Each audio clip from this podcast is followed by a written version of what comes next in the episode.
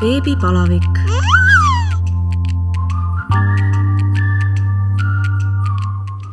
tere tulemast kuulama Õhtulehe podcasti Beebipalavik. mina olen saatejuht Katariina Toomemets ja täna on minu külaliseks Irja, kelle laps kahekümne viiendal rasedusnädalal surnult sündis ja Irja jagab meiega oma kaotuse lugu.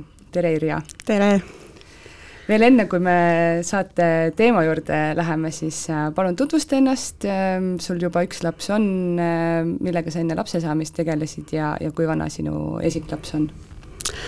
jaa, enne lapse saamist ma tegelikult olin just gümnaasiumi lõpetanud värskelt ja mingit suuremat plaani ei olnudki, kui lihtsalt mõelda, mis eluga edasi teha, nii et ma tegelikult läksin juuksurikooli.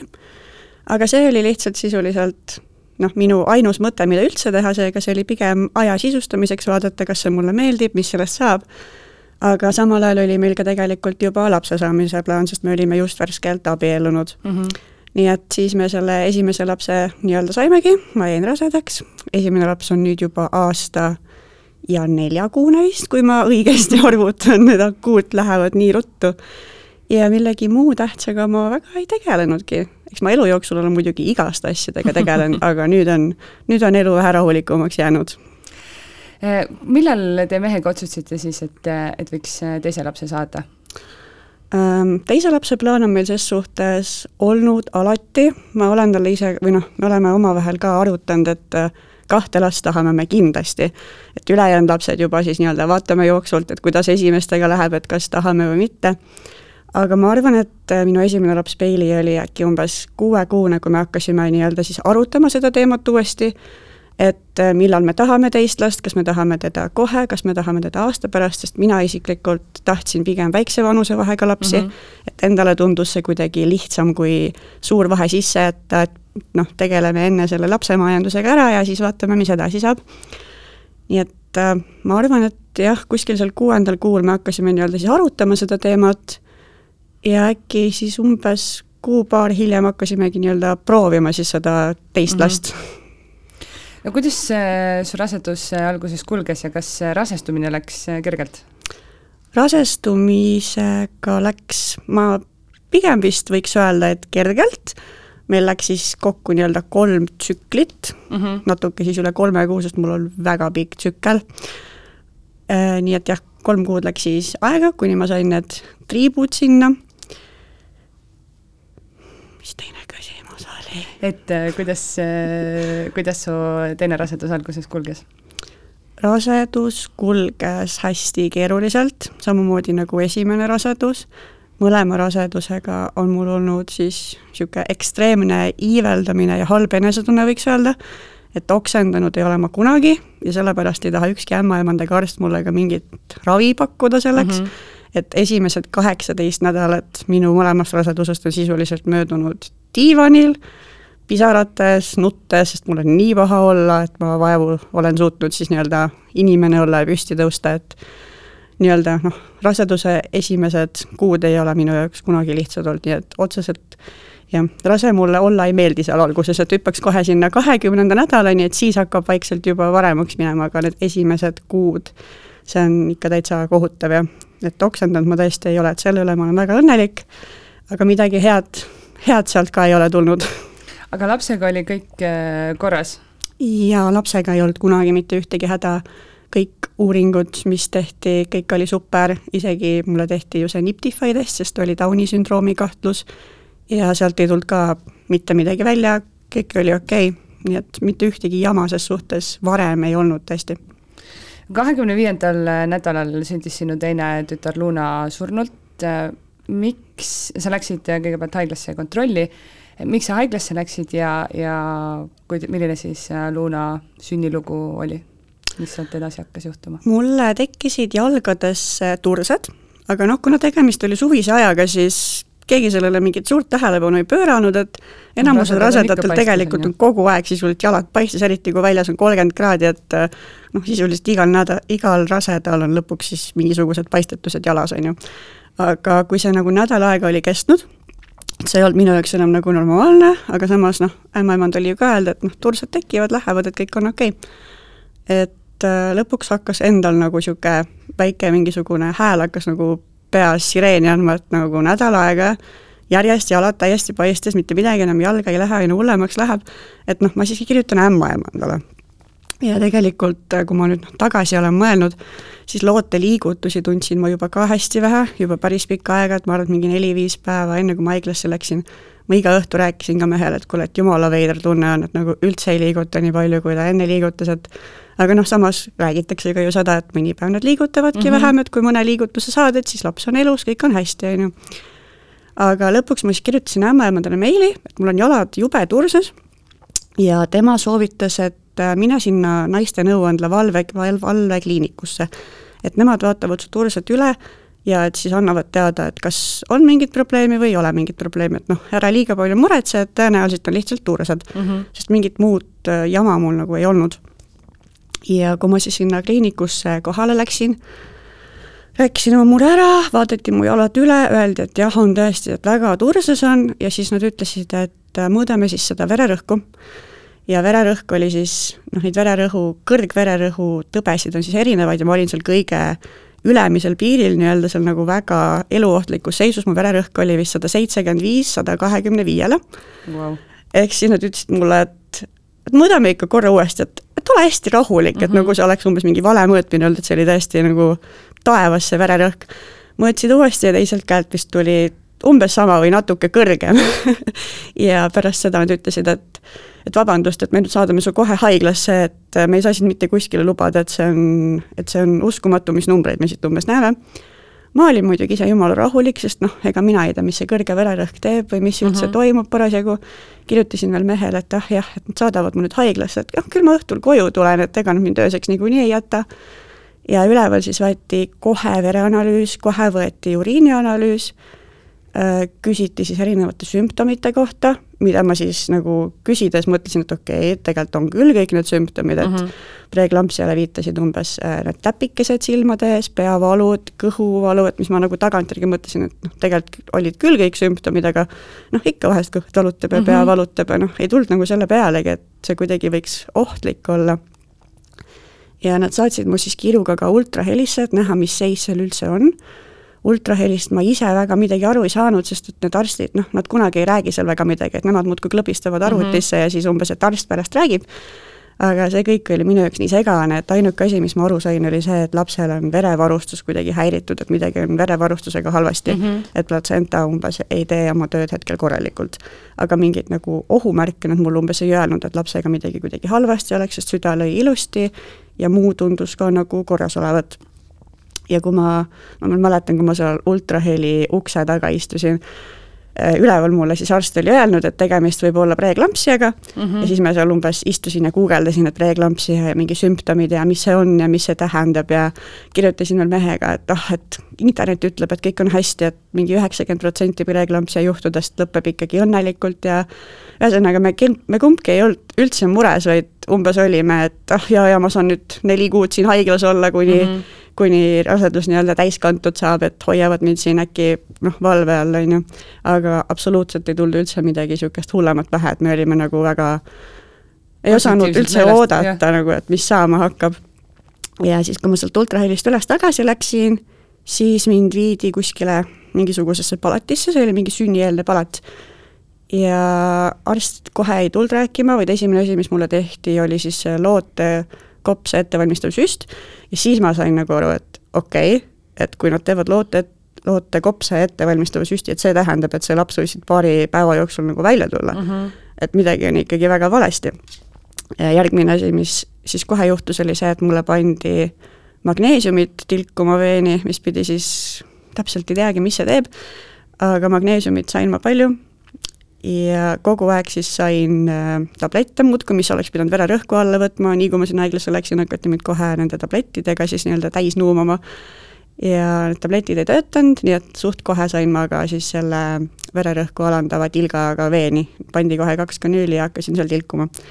siis, kui ma lõpuks sinna palatisse sain, siis, siis tuli arst kohale ja rääkis, et kõik analüüsid on väga halvad, et mu organid on juba nii-öelda ära suremas sisuliselt, et äh, neerukahjustused on hästi suured, et maks on äh, noh, ei tööta enam korralikult, et nad peavad mu haiglasse sisse jätma, et ja olukord on väga halb, et äh, ei ole üldse miski nii ilus, kui see paistab. ja siis ma mõtlesin küll, et okei okay,, et ma ise tunnen ennast nii hästi, et kuidas mm -hmm. see mhm. üldse on võimalik, et inimese keha hakkab ära surema ja mul ei ole nagu otseselt ühtegi nagu häda, et mul on kõik jumala ilus, et pea ei valuta ja see kõrge vererõhk pidi ka umbes nii hullu mingit peavalu ja halba enesetunnet tekitama, aga mul oli, mul oli nii-öelda elu jumala lill ja ma üldse, üldse ei muretsenud. Et mind jäeti siis haiglasse sisse, iga poole tunni tagant mõõdeti vererõhku, kõik muudkui tilkus, ämmaemandad muudkui käisid mu juures, õhtul pandi siis korra lootele see KTG masin ka peale, et vaadata, et kas süda lööb, seda vist hoiti umbes tunnike peal ja kõik oli ilus, ja siis võeti maha tagasi vahepeal siis õhtul pidin ma täitma ära hunniku neid pabereid, et ma olen nõus, et laps saab neid vaktsiine mm, -hmm. et ma olen nõus äh, keisri, et kui on vaja keiser teha ja noh, sellised asjad. no põhimõtteliselt kõik asjad, mida enne sünnitust sa pead täitma, eks ju? jah, just, just, just, et ma olen noh, kõik need nõusoleku vormid mm, -hmm. et, et nad nii-öelda võivad sisuliselt kõike teha lapsega, mis vaja ja siis mulle nagu jõudis nagu lõplikult kohale see, et okei okay,, et me ei räägi siin nagu sellest, et ma paar kuud haiglas olen, vaid me räägime sellest, et ma siin nagu paari päeva jooksul hakatakse seda last välja võtma mm. -hmm sest et äh, siis ma nagu lõpuks nagu sain aru, mis see preeklampsia on, et sisuliselt ainuke viis, kuidas minu organitele nagu seda elujõudu tagasi anda, on see, et ma pean selle lapse enda kehast nii-öelda välja saama. et see on ainuke variant, kuidas mina üldse terveks saan, et nad ei saa lihtsalt sellepärast seda last nagu, juba sellepärast seda last nii-öelda kauem minu kehas mm -hmm. hoida. Ja öösel möödus, ma võiks olla kõik üsna rahulikult, kui välja arvata see, et need kanüülid tegid mulle hullult haiget ja see magneesium kuidagi nagu kuumutab seda keha üles, nii et mm -hmm. niisugune tunne, nagu keegi oleks mulle laavat veeni süstinud. et sellepärast ma väga hästi magada ei saanud, aga muus osas läks öö tegelikult üsna rahulikult.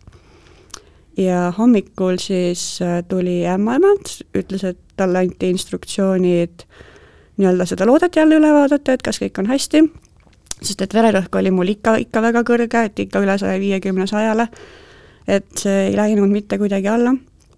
ja kõigepealt ta siis võttis selle KTG masina ja hakkas sellega otsima. ja nagu midagi nagu mõlemad kuulsime, ei tea küll, kuidas mm, -hmm. ei mhm. pole aimugi, aga ta ütles, et ta läheb ikka, toob selle nagu päris Dopleri, et ta ei leia seda südant üles ja põhjuseks oli siis see, et ta on nii väike, noh, mis oli ka tõene, sest see masin on ise niisugune noh, ühe sõõriku suurune võib-olla mm -hmm. ja see laps oli ka noh, umbes, umbes sama suur natuke suurem võib-olla. Et tõi siis selle tavalise KTG või vabandust, tõi selle tavalise lootedopleri ja hakkas siis sellega otsima. ja sellega ka mitte kuidagi ei õnnestunud seda südametööd üles leida. ja järgmine hetk sadas juba siis kaks arsti sisse, kaks naistearsti selle päris nagu masinaga, selle loote ultrahelimasinaga siis, ja vaadati siis ultraheliga ja esimene asi, mis see arst ütles, on, et ongi vist kõik need esimesed sõnad, mis ta suust välja tulid, olidki lihtsalt, nüüd ongi vist kõik. ja siis ütles sellele teisele arstile, et äh, kinnita nagu üle. ja see teine arst lihtsalt siis vaatas ka ultraheliga ja noogutas seal kõrval ja siis öeldi, et äh, meil on väga kahju, aga lapse süda enam ei löö. ja rohkem, rohkem seal midagi otseselt ei juhtunudki, ma olin sellest kõigest nii šokeeritud, et ainuke asi, mis ma suutsin öelda, on see, et kas ma võin kellegi haiglasse kutsuda, et ma ei suutnud see hetk nagu üksi olla.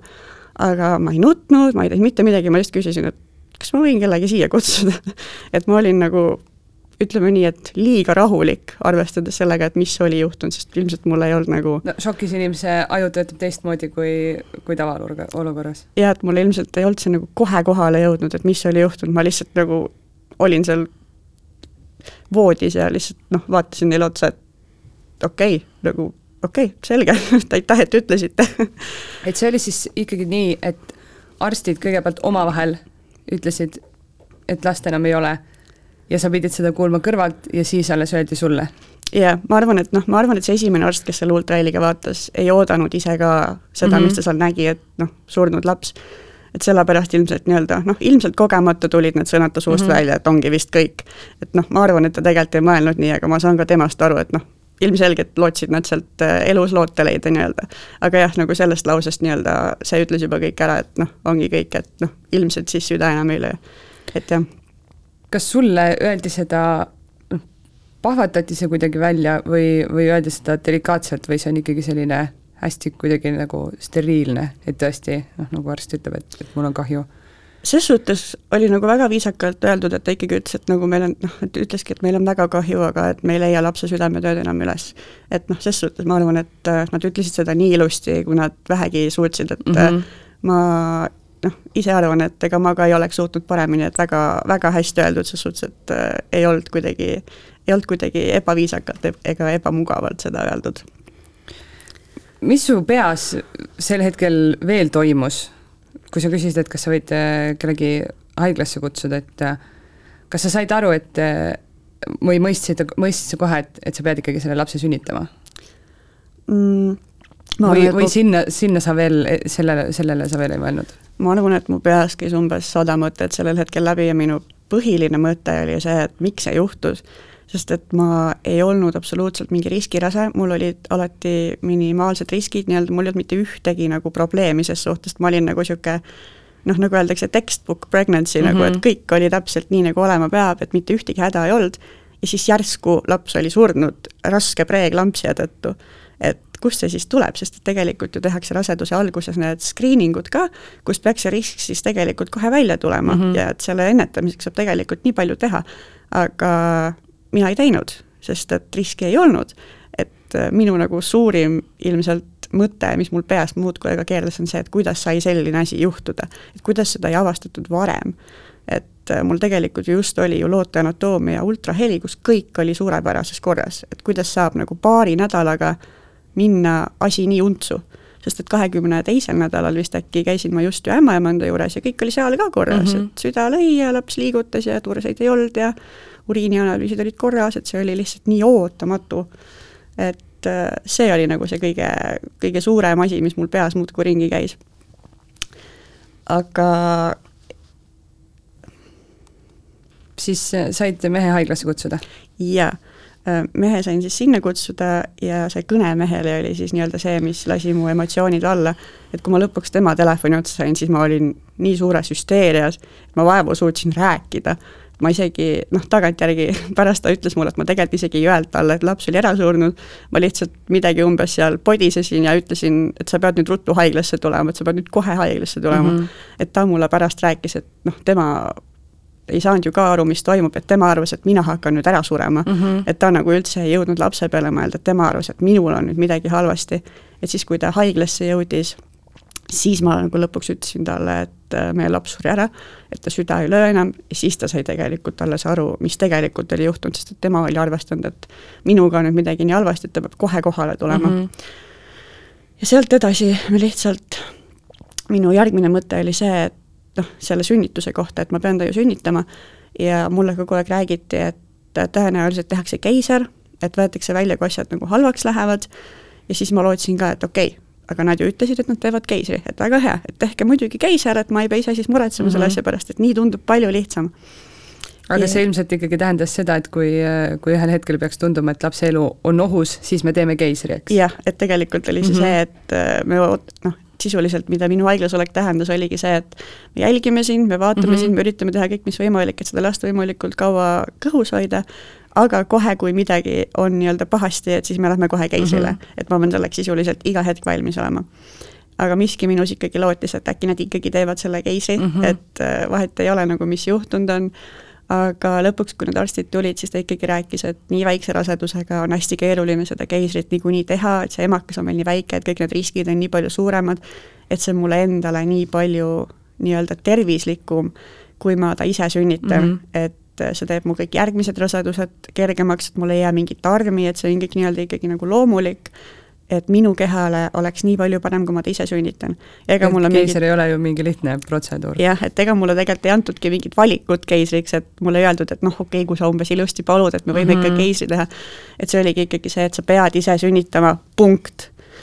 Ja siis toodigi mulle need kõik järgmised paberid, et et, ma olen nõus, et blablabla bla, bla, et kutsume esile mm, -hmm. kui mhm. midagi läheb valesti, et siis ikkagi keiser, on ju, et kui ei õnnestu esile kutsuda või kui minuga midagi juhtub, et selleks keisriks pidin ma nii-öelda iga hetk valmis olema ja kuna mul ei olnud kunagi sünnitust esile kutsutud, siis ma ei kujutanud ette, mida see kõik üldse tähendab mm, -hmm. et mhm. kuidas nad siis nii väikest rasedust nagu esile hakkavad kutsuma, et noh, laps on ju niikuinii surnud ka, et ma ei noh, kas mu keha üldse teab, mida teha mm. -hmm. mu teine hirm oligi see, et ma olin nendest sellest magneesiumist tõenäoliselt oli mu keha nii väsinud, et ma, noh, ma ei jaksanud isegi voodis enam külge keerata, et see mm -hmm. kõik oli nii raske minu jaoks, et kui ma mõtlesin tagasi oma esimesele sünnitusele, siis ma olin seal, et okei okay,, aga kuidas ma selle lapse sünnitan, et ma ei jaksa isegi liigutada mm, -hmm. et äh, kuidas, kuidas nad nagu kujutavad ette, et ma peaksin sünnitama. et ma, ma tõesti ei jaksa absoluutselt liigutada, et mu käed vaevu tõusevad, aga inimene enda seest välja pressida, see on ju selline töö ja jõud ja vaev, et ma ei kujutanud see hetk absoluutselt ette, kuidas ma seda lihtsalt füüsiliselt jaksan mm -hmm. või mhm. kas ma seda üldse jaksan. aga mulle ses suhtes valikut ei antud ja öeldi siis, et paneme kohe ballooni vaadati mind siis üle ja nad olid noh, ses suhtes olid õnnelikud, et mulle saab seda ballooni panna, et me saame nagu kuskilt vähemalt alguse lahti mm -hmm. teha, sest jätkuvalt oli siis vaja see laps nii-öelda võimalikult kiiresti välja saada, sest et minu vererõhk oli ikkagi väga kõrge, uriinianalüüsid aina halvemad, mis tähendas seda, et mu neerud olid nii suure koormuse all, et noh, nendega oli juba väga kehvasti. aga sul mingit, selles mõttes mingit sünnitustegevust ei olnud, eks ju äh,? Ei, mingit sünnitustegevust ei olnud, et kui mul noh, kui mind esimest korda nii-öelda üle vaadati naistearsti poolt, siis ta ütleski, et et noh, seda avatust on täpselt nii palju, et ta saab sealt loodetavasti ballooni sisse panna, et mm -hmm. et see on nagu meie parim lootus, kus nii-öelda algus lahti mm -hmm. teha.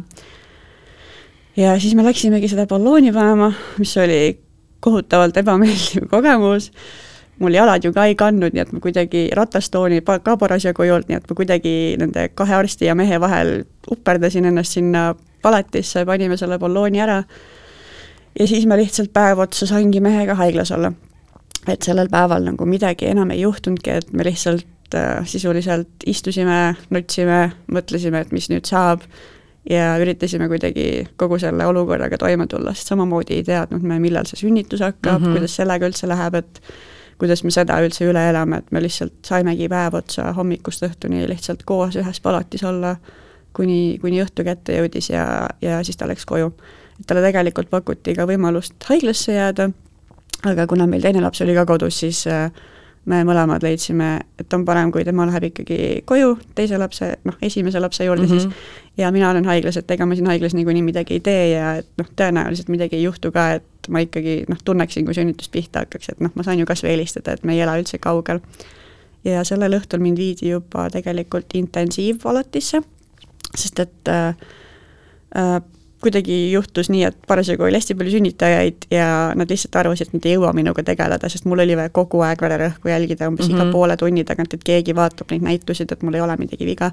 et neil lihtsalt ei olnud sellist ressurssi pakkuda mulle, nii et mind viidi siis sinna günekoloogia intensiivraviosakonda, kus üldjuhul on lõikuspatsiendid mm, -hmm. noh, kes on käinud keisril üldjuhul, aga minule leiti siis ka seal koht ja selleks hetkeks oli mul nägemine kusjuures hästi halvaks läinud, et umbes kaks, noh, kui ma siis, kui ma haiglasse läksin, mul oli kõik okei okay,, aga järgmisest hommikust oli mul hästi halb nägemine, ma nägin nagu kahekordselt, mitte isegi neid täppe ei olnud, aga ma lihtsalt ei näinud, nagu oleks mm -hmm. pimedaks jäänud vaikselt. nii et samal õhtul käisin ma siis ka mingisugusel uuringul äh,, kompuutertomograafias vist äkki mm, -hmm. kus vaadati siis äh, üle, et mul ei oleks mingit äh, ajuga mingit jama tekkinud vahepeal ja ega mulle väga midagi ei räägitud, ma ise käisin oma seal digiloos, vaatasin, et tõk-tõk-tõk, mis sinna arstid on kirjutanud ja mõtlesin, et okei okay,, midagi hullu ei ole, et mm -hmm. noh, ei ole nagu midagi välja toodud otseselt, et ju siis on kõik hästi. ja jah, istusin siis seal intensiivravipalatis kuni hommikuni, sellel ööl isegi sain üllatavalt hästi magada, noh, nad andsid mulle mingeid rahusteid ka kogu aeg, et äh, mitte, et ma kuidagi otseselt närvis oleks olnud, aga noh, lihtsalt sisuliselt ma saaksin magada vahepeal mm, -hmm. sest ma ei saanud üldse magada, see vererõhu aparaat ka iga poole tunni tagant muudkui mõõtis ja noh, jube ebamugav oli kogu no, aeg olla. just, et mul ei olnud nagu üldse niisugust noh, pikemat pausi rahulikult olla, et äh, need rahustid vähemalt aitasid mul magada, et noh, otseselt mind rahustada ei olnud vaja, et ma olin kogu aeg nagu niisugune kivi näoga, vaatasin mm -hmm. neile muudkui otsa, et no jah, okei okay,, okei okay., et midagi nagu noh, otsest rahustamist põhjust ei olnudki, et lihtsalt, et ma saaksin magada. ja järgmisel hommikul siis tulidki arstid, noh, vahepeal muidu, muudkui võeti verd ja korjati mult seda uriini ja vaatasid siis selle ballooni üle ja jälle oli nii-öelda neil põhjust rõõmustamiseks, et juhuu, et balloon oli oma tööd teinud, et avatust on pisut rohkem. ja siis mind otsustatigi sünnitustuppa viia, et öeldi, et võid mehe kutsuda, et lähme nüüd üritame selle lapse ära sünnitada. et äh, seda avatust oli siis selleks hetkeks äkki ma arvan, kaks-kolm sentimeetrit, nii-öelda selle ballooni tekitatud ballooni tekitatud avatus siis, et nagu keha ise mingit sünnitustegevust nagu ei olnud veel alustanud, mingisuguseid kokkutõmbeid mul ei olnud mm. -hmm aga nad ütlesid, et äh, üritame siis selle looteveekoti lahti saada, et üritame veed avada, et äkki see nagu nii-öelda annab tuld sellele sünnitusele, et äkki mm -hmm. siis keha saab aru, et nüüd hakkame sünnitama. Äh, mees siis jõudis kohale, äh, Kari Arste tuli ka, üritati siis seda looteveekotti lahti saada ja see oli konkreetselt hullem kui sünnitus see oli nii kohutav, sest et see noh, emakas ei olnud veel üldse nagu seal nii-öelda avatud ega nii-öelda lähedal, ehk siis nad pidid nagu väga palju vaeva nägema, et üldse jõuda sinna looteveekotini ja samal ajal siis kaks arsti surusid mul kõhu pealt, et seda kotti sinna nagu lähemale mm -hmm. saada. see oli täiesti uskumatu kogemus. see oli niisugune valu, et ma vahepeal pidin neile ütlema, et teeme korraks pausi, et mul on vaja hingata, et mul on nii valus. Aga lõpuks nad said selle koti lahti ja see veekogus, mis sealt tuli, ma olin üsna hämmingus, et kuidas, kuidas nagu nii väikse rasedusega nii palju seda lootevett mm -hmm. nagu välja sai tulla. aga ei, lootevesi oli ilus, selge, ei olnud üldse kuidagi roheline või noh, kõik oli jätkuvalt ses suhtes hästi, et ei viidanud miski millelegi halvale, on ju. Mhm. aga see ei teinud ka mitte midagi. ma jäin pärast seda äh, vete avamist magama, sest mul oli nii valus ja ma arvan, ma magasin umbes kaheteistkümneni. Ja mis kell äh, lootevett tehti? Äh, äkki umbes kella poole kümne paiku. Okay.. nii et ma sisuliselt sain kaks-kolm tundi magada vahepeal, et päris mõnus oli puhata. Muidugi me lootsime, et mul hakkab mingi sünnitustegevus pihta, aga no sealt ei olnud küll ei kippu ega kõppu, ma vahepeal tundsin tõesti no mingeid üksikuid kokkutõmbeid mm, -hmm. aga need kestsid nii lühikest aega ja olid nii valutud, et noh, nendega ma sünnitada ei saanud, et see, ma oleksin seal muidu veel päevi-päevi olnud. nii et lõpuks siis käisid uuesti arstid ja otsustasid, et Äh, paneme veeni joksutütsiini. et see siis nüüd peaks, see on meie nagu viimane võimalus, kuidas mm -hmm. seda sünnitust esile kutsuda, et avatust nagu on, et meil on lihtsalt vaja, et temakas hakkaks kokku tõmbama ja seda last sealt välja pressima. aga vahepeal oli veel siis niisugune jama juhtunud, et äh, selle ballooniga ja selle vete avamisega oli see laps paigast ära liikunud, et kui ta alguses oli peaseisus ja oli seal juba ilusti nii-öelda valmis välja tulema, nii-öelda siis päev enne seisuga, siis kui nad uuesti ultraheliga vaatasid, see laps oli ennast kuidagi juba ümber keeranud või noh mm -hmm., mitte mhm. tema ise ei olnud keeranud, aga siis kogu see protsess oli nii-öelda teda keeranud, et tema enam ennast ise selles suhtes keerata ei saanud. Ja siis nad pidid selle lapse nii-öelda nagu manuaalselt mm -hmm. kõhu pealt mulle nii-öelda lükkama sinna õigesse kohta paika, et ta oleks nii-öelda peaseisus, et mul oleks võimalikult noh, mugav teda sünnitada, et ta ei oleks siis tuharseisus noh, see muidugi liiga hull ei olnud, aga ma ei saa ka öelda, et see midagi väga toredat oleks olnud aga jah, paika nad selle lapse ses suhtes said, et see on positiivne, et ma ei pidanud hakkama last jalade ees sünnitama, et noh, pigem see, kui, kui see tuharseis mm. -hmm. aga kui nad selle oksüdotsiini mulle siis veeni panid, siis konkreetselt juba paar minutit hiljem hakkasid mul hästi regulaarsed kokkutõmbed, pikad, väga valusad ja väga intensiivsed kokkutõmbed. ma ma ei uskunud, et see kohe nii kiiresti juhtub, sest mm -hmm. ma olin seda oksüdotsiini omal ainult paar minutit veeni saanud. ma ütlesin kohe mehele, et okei okay,, palun vaata kella, vaata kaua need kestavad, vaata kui pika vahega, et see on kohutav, et mul on nii valus. Ja kohe, kui ta oli siis nii-öelda paar seda tuhu mul ära mõõtnud, siis ta ütleski, et okei okay,, need kestavad sul minut kuni poolteist ja need on umbes kaheminutilise vahega. mu esimene mõte oli, et pekki, kuidas kohe nii ruttu, et mul on pidid ju vaikselt hakkama ja mm -hmm. rahulikult minema, et mul pidi olema aega siin hingata ja mida kõike teha. Et see hakkas kõik nii intensiivselt pihta. nagu lõpuspurt juba, eks ju? jaa, et ma ütlesin talle kohe, et kutsu nüüd keegi, et mul on nagu nii valus, et nagu tehke midagi. sest mulle kogu aeg öeldi, et ma üritaksin nii-öelda võimalikult palju lasta ennast nagu valustada nii-öelda, et see kogemus oleks võimalikult positiivne mu jaoks, et noh mm -hmm., arvestades olukorda, et et üritame seda valu nii väikseks võtta kui vähegi võimalik, et kui noh, kui vähegi tahad, ütle kohe, et me teeme epiduraali mm, -hmm. et me teeme nagu kõik, et sul oleks võimalikult hea. Äh, ja kui siis arst tagasi tuli, siis kõigepealt anti mulle äkki paratsetamooli, ibuprofeeni, mingit niisugust segu anti, jah, antigi vist paratsetamooli ja ibumetiini koos äkki see kõige suurem maksimaalne doos. ja siis ma vaatasin otsa neile ja mõtlesin, et nagu päriselt annate mulle nagu niisugust valuvaigistit, et see ei võta mul peavalugi ära aga mis mul ikka üle jäi, võtsin need ära ja valutasin edasi. Ja paarkümmend minutit hiljem ma ütlesin, et kutsu uuesti keegi ja siis anti mulle mingit kiiretoimelist valuvaigistit, mingi kolmas, mida käsimüügis ei ole, aga mis tehniliselt oleks pidanud siis ka töötama. ja need tuhud käisid mul kogu aeg siis noh, kestsid poolteist minutit ja paari minuti vahega, et käisid muudkui kogu aeg edasi. ja see teine tablett ka ei teinud mitte midagi. ma palusin suht ruttu noh, ta taga, kellegi tagasi kutsuda, et mul on nagu midagi muud vaja. ja siis öeldi, et andke midagi kangemat. jah, ja siis öeldi, et no okei okay,, proovi naerugaasi ma olin nagu okei okay,, vahet ei ole, andke mulle järgmine asi lihtsalt, mis võiks toimida, proovisin selle naerugaasiga seal siis olla. Ja minu arust see naerugaas midagi ei teinud, kui ainult ajas pea ringi käima, et mul hakkas hullult iiveldama, mingit valu see vähemaks ei võtnud, ainuke asi, mis juhtus, oli see, et ma tundsin nagu et ma ei taha seda rohkem, et ma oleks mm -hmm. nagu pilves või midagi, et pea käib hullult ringi, ei näe üldse hästi, et tegelikult nagu väga ei aita, et ainuke asi, mis see võib-olla, mis, mida see võib-olla teeb, on see, et ma tõesti hingan võib-olla sügavamalt mm, -hmm. et mhm. seda gaasi sealt kätte saada, aga noh, midagi muud küll mitte. ja lõpuks ma siis ütlesin, et kutsu nüüd veel keegi, palun korraks tagasi. ja ta sai siis kätte mingisuguse, ei olnud veel päris arst, mingisugune noh, õpilane, ühesõnaga üliõpilane kes, äh, kellele ma siis ütlesin, et nagu tehke mulle nüüd see epiduraal, et ma andsin oma allkirjad, et tehke mulle nüüd see epiduraal ära, palun, mul on nii valus.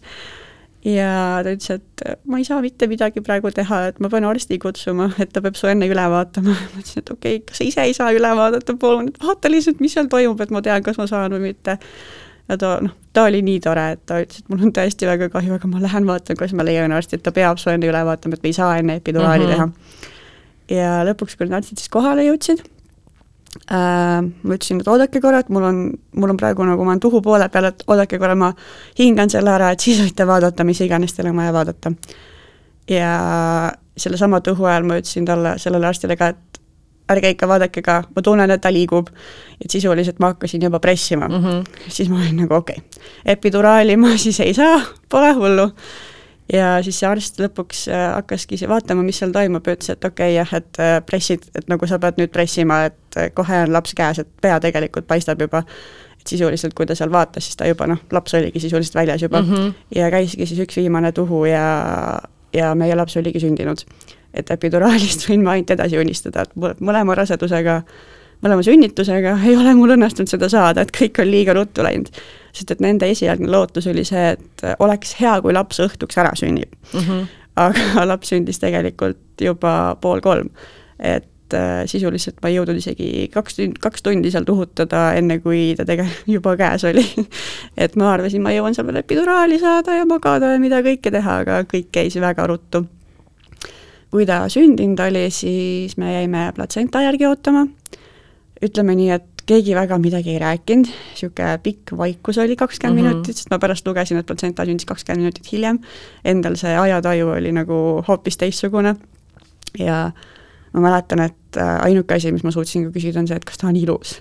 et mine vaata, kas ta on ilus. ja ta ei läinud vaatama, ta ütles mulle, et ma tean, et ta on. ja siis me istusime seal edasi ja ootasime, kuni platsenta ära sünnib. Küsisime ka, et kui kauaks me võime teda enda käes hoida ja nad ütlesid, et nii kaua, kui tahate. et meil ei ole nagu mingit äh, kindlat aega, kui kaua see peab olema, aga et õhtuks peame minema intensiivi tagasi, et noh, nii palju meil on aega, et me ei saa kahjuks lasta kauem, et noh, minu tervist on vaja edasi jälgida mm. -hmm. et ma arvan, et kui see laps oleks olnud täiskantud ja suurem ja mul ei ol-, ei oleks olnud nagu tervisega mingit häda, et ma arvan, et siis nad oleks noh, lubanud konkreetselt kas või päev otsa selle lapsega olla aga minu tervise tõttu siis öeldi, et kuni õhtuni, et äh, nii kaua võite olla. me ütlesime, et okei okay. ja lõpuks, kui see platsenta ära sündis, siis äh, me saimegi selle lapse enda kätte, et niikaua, kuni me seal ootasime, et äh, nii kaua siis nad noh, puhastasid ta natuke ära, et ta ei oleks nii verine ja noh, seda lootevõiet mhm. on ju ka sellises raseduse staadiumis veel tegelikult nii palju, et nad üritasid teda seal veidi puhastada, et me päriselt noh, näeksime ka seda last, et ta mm -hmm. oli ikkagi veel nii pisike, et oli täitsa nagu kaetud, kaetud igast lootevõide ja vere ja kõige muuga. ja nad lihtsalt äh, mässisidki ta siis selle need alusinad, mis on, mis pannakse alla loomadele mm, -hmm. lastele, et noh, kui pissivad, et siis, äh, et jääks nii-öelda see olukord puhtaks, nad mässisid ta selle lina sisse ja issand, ma isegi ei mäleta enam, see just alles juhtus, võib-olla oli väike mütsike ka peas, aga muid, muid asju talle selga ei saanud panna, sest ta oli tõesti veel nii pisike. Äh, toodi siis meile ja nad läksid siis ära ja ütlesidki, et kui midagi on, et siis kutsuge, et kui abi on vaja, aga et et äh, nii kaua võite siis olla, kui tahate, et noh, et tulge leidke meid, et kui midagi on vaja või kui te tahate ta nii-öelda ära anda. me lihtsalt olimegi seal, mõtlesime, et, et me väga tahame talle nime panna ja, ja et me tahame ka oma nii-öelda esimese lapse siia kutsuda, et me tahame hästi palju pilte teha mm. -hmm. et meie ainuke nii-öelda mälestus temast, mis meile jääb, on need pildid, mis me seal praegu saame teha. Nii et meie eesmärk oli lihtsalt võimalikult palju aega veeta koos ja teha hästi-hästi-hästi palju pilte. et meile jääksid, et meile jääksid võimalikult paljud asjad temast meelde ähm,. lihtsalt olimegi, pildistasimegi, alguses muidugi mitte, alguses lihtsalt veetsime aega kolmekesi ja siis muudkui üks võttis kaamera kätte, teine võttis kaamera kätte, muudkui üritasime võimalikult palju pilte lihtsalt teha. ja hiljem siis saabus ka meie tütar koos mehe emaga, kes said siis ka teda vaadata, talle pai teha. ja ega me temaga seal väga kaua ei olnudki, sest me tundsime, et, et meile lihtsalt noh, nii-öelda piisab sellest ajast. et me oleme saanud oma pildid, me oleme saanud teda näha, et nii-öelda laseme ta siis ära viia vahepeal käidi meil küsimas ka selle nime osas, et kas me tahame talle nime panna või ei taha. Et äh, surnud nii-öelda lapse puhul antakse see valik alates kahekümne teisest nädalast, et mm -hmm. on mhm. ka võimalus mitte panna nime, kui see on soov, aga soovi korral saab ka lapsele nime panna. ja me otsustasime, et jah, me kindlasti tahame talle nime panna ja nad vabandasid veel ka, et nad niimoodi sisse sadasid, et ta sündis reedesel päeval ja kuna kõik need asutused hakkasid kinni minema nii-öelda, et siis neil oli vaja nagu ruttu nii-öelda teada, et kas jah või mm -hmm. ei, et mhm. muidu nagu pannakse kinni, et siis peab esmaspäevani ootama. Et nad väga vabandasid selle nii-öelda tagantkiirustamise pärast, et me teame, et praegu on raske, aga kas te soovite nime panna. Äh, panime siis sinna nime kirja ja olime lihtsalt edasi. üks hetk siis me otsustasime, et aitab, äh, mees kutsus äh, arstid tagasi, nemad siis viisid lapse ära ja mees läks siis lapse ja oma emaga ise ka koju tagasi. et mina jäin siis sinna ja pärast seda siis, ma arvan, et paar tundi pärast seda toodi mulle siis mälestuste karp, et ma, ma ei teadnud üldse, et niisugust asja tehakse, et ainuke asi, mis ma olin nii-öelda lugenud sealt Tartu Ülikooli Kliinikumi lehelt, oli see, et tehakse need käe- ja jalajäljed. sest mm -hmm. me mhm. väga tahtsime neid käe- ja jalajälgi ja me ei teadnud, et kas me peame ise mingid asjad kaasa võtma või kas seda lubatakse teha, aga nii palju me teadsime, et me ei pea selle pärast muretsema, et seal haigla kodulehel oli kirjas, et tehakse isegi surnud lapsele need käe ja jala nii-öelda jäljed. aga pärast see arst tõi siis mulle niisuguse terve suure karbi, mida ma isegi ei jõudnud veel samal õhtul avada, aga see oli siis MTÜ Vaikuse lapsed poolt tehtud karp, mis antakse siis igale surnult sündinud äh, lapse perele siis, kus on siis niisugune väike raamat, mis seletab, et mida edasi teha mm, -hmm. tavaliselt on seal siis niisugune küünal, väike mänguasi, noh, niisugune konkreetselt mälestuste karp, mis on siis tehtud ka nii-öelda vabatahtlike poolt, kes on ka oma lapsed kaotanud, et see on niisugune hästi armas karp, see on meil siiamaani alles, jääb vist igavesti ka, et selle üle ma olen küll nii õnnelik, et me sellise väikse karbi saime. ja haigla poolt kusjuures pakuti ka, et kas me tahame, et nemad teevad ka pilti, ja me ütlesime, et jah, te võite ka pildi teha, et nemad siis tegid selle Polaroid kaameraga, et mm -hmm. ma mhm. pärast nägin, et seal sees oli, et seal sees oli niisugune väike Polaroidi, Polaroidi pilt, mis on ka minu arust hästi tore, et sellist asja pakutakse, sest ma tean, et hästi paljud isegi ei mõtle sellele pildistamisele, et see pildistamine tuleb alles hiljem meelde, et noh, tegelikult oleks võinud ju mhm. pildistada mm, -hmm. et see on nii tore, et haigla seda pärast nagu pakub, et isegi kui alguses ei ole meeles, siis pärast saab kas või nagu selle, kas või need mõne, mõned pildid nii-öelda enda kätte, mille siis nemad teevad et parem ikka kui mitte midagi ses suhtes. aga muud siis sellel õhtul ka enam midagi ei toimunud, kui see, et ma lihtsalt olin seal sünnituspalatis, sest et intensiiv oli täis, nii et ma olin kuni ma arvan õhtul kella kümneni üksi seal sünnituspalatis, vahepeal toodi ainult süüa. vahepeal ma muidugi oksendasin seal hullult, ilmselt sellest stressist, ma arvan, sest et äh, muud mul nagu midagi viga ei olnud, kui ainult jälle see, et see vererõhk ei tahtnud üldse alla minna mm. -hmm. mul oli see vererõhk ikka veel seal noh, sada viiskümmend, sada, et nad ei saanud seda üldse nagu alla selle piiri, et nad olid juba nagu mis me teeme, et sa saad neid, noh, muudkui sain seda tilka omale veeni, et nad ei saanud nagu rohkem anda ka, et nad lihtsalt lootsid, et peaasi, et hullemaks ei lähe, et noh, loodame, et see püsib seal samal piiril.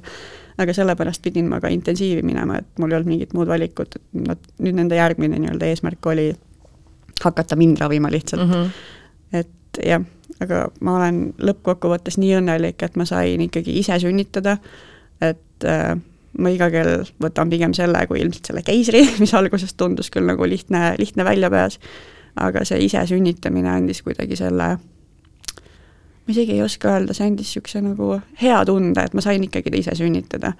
et äh, nii palju ma vähemalt suutsin et jah, sünnitada ses suhtes ise oli nii-öelda tore nii tore, kui see olla sai, oli see tore ja positiivne sa enne ütlesid, et, et sel ajal, kui pärast seda, kui sulle balloon pandi, siis te lihtsalt olite seal palatis, mis te tegite? kas, kas te rääkisite, istusite lihtsalt, nutsite koos?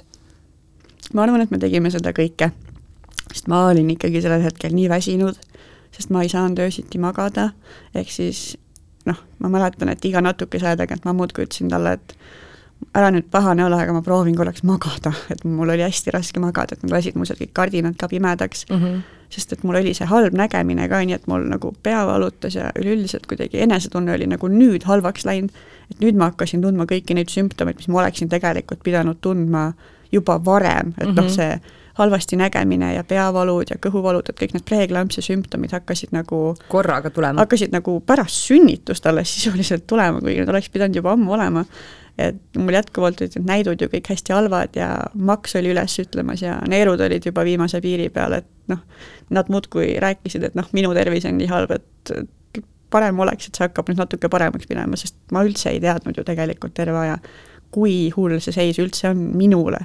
mina olin muudkui mures ainult lapse pärast mhm. -huh. ja ma ei saanud ju üldse aru tegelikult, kui jube see kõik mulle on. aga sisuliselt jah, me lihtsalt istusime rääkisime, me rääkisime konkreetselt nii paljudest asjadest, sest et kõik see oli nii elumuutev kogemus nii-öelda, et me mõtlesime, et nagu mis nüüd saab, et me ei saa oma seda soovitud elu nii-öelda edasi elada, et me peame midagi nüüd, mis me nüüd teeme nagu, et me olimegi, et okei okay,, kõik on pekkis nagu, et mis edasi saab.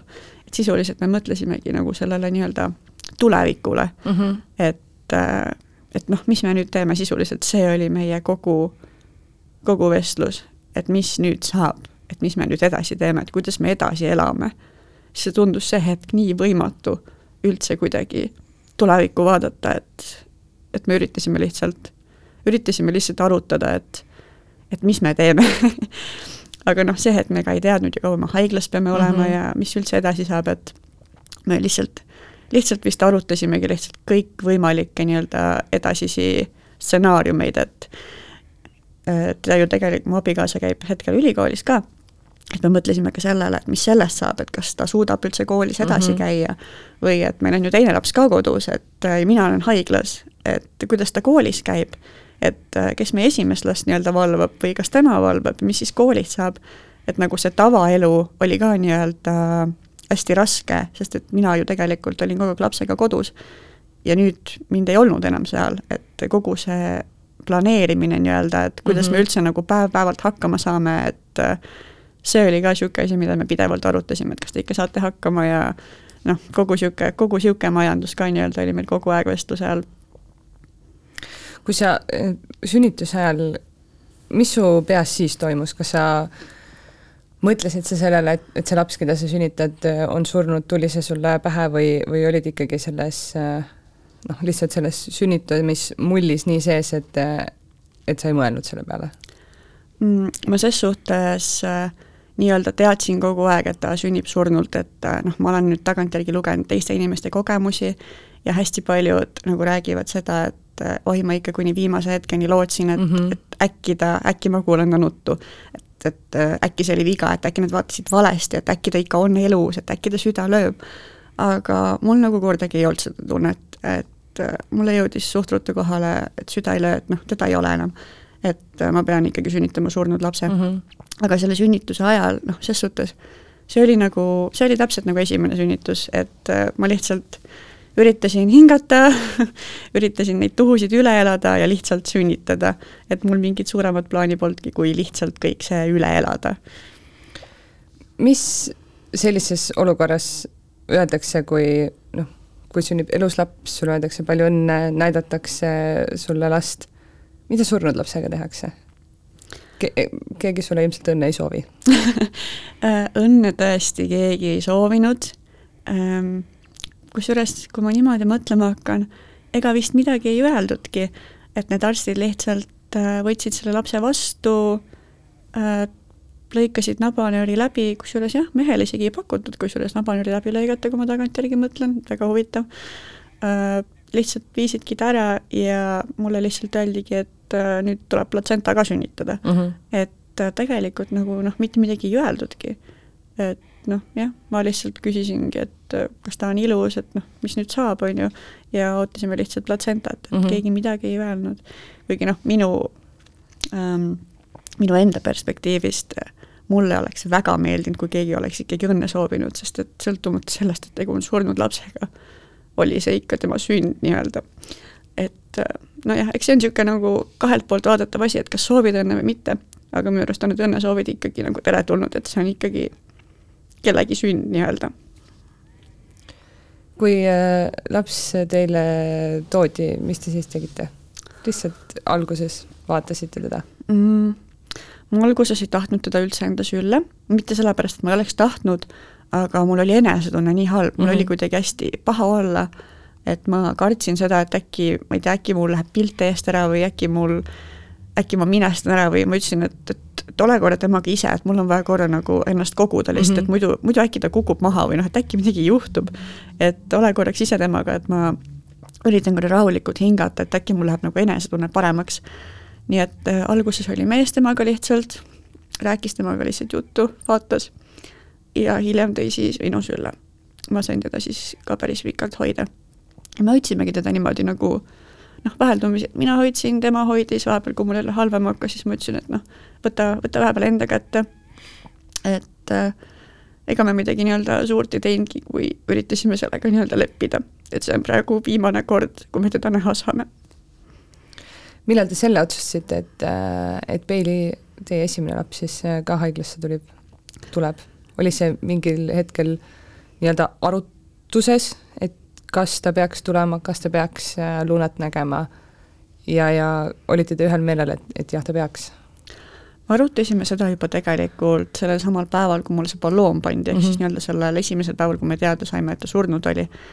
ja mu abikaasa vist tõstatas selle teema ja ma olin selles suhtes nagu kohe nõus, et jaa, muidugi, et kutsume Peili ka haiglasse, et ma väga tahan, et ta annaks ka oma õde, et kui tal kunagi mingeid küsimusi nagu tekib, et siis meil on nii-öelda pilte talle näidata, kuidas nad koos on saanud olla. et äh, see tuli jah, mehe poolt ja ma selles suhtes kohe nõustusin, et seal ei olnud isegi mingit äh, arutelu selle kohta, et äh, me leppisime kokku, et jah, et me, me kutsume tema ka haiglasse, et loodame, et see ei ole öösel nii-öelda et ma lootsin, et ma öösel ei sünnita, et noh, öösel me ei oleks teda hakanud üles ajama mm, -hmm. et ma nii-öelda, kui mind hommikul, järgmisel hommikul nii-öelda siis sinna sünnitustuppa viidi, siis ma lihtsalt lootsin, et et ma sünnitan nii-öelda sellisel ajal, et ta saab haiglasse mm -hmm. tulla.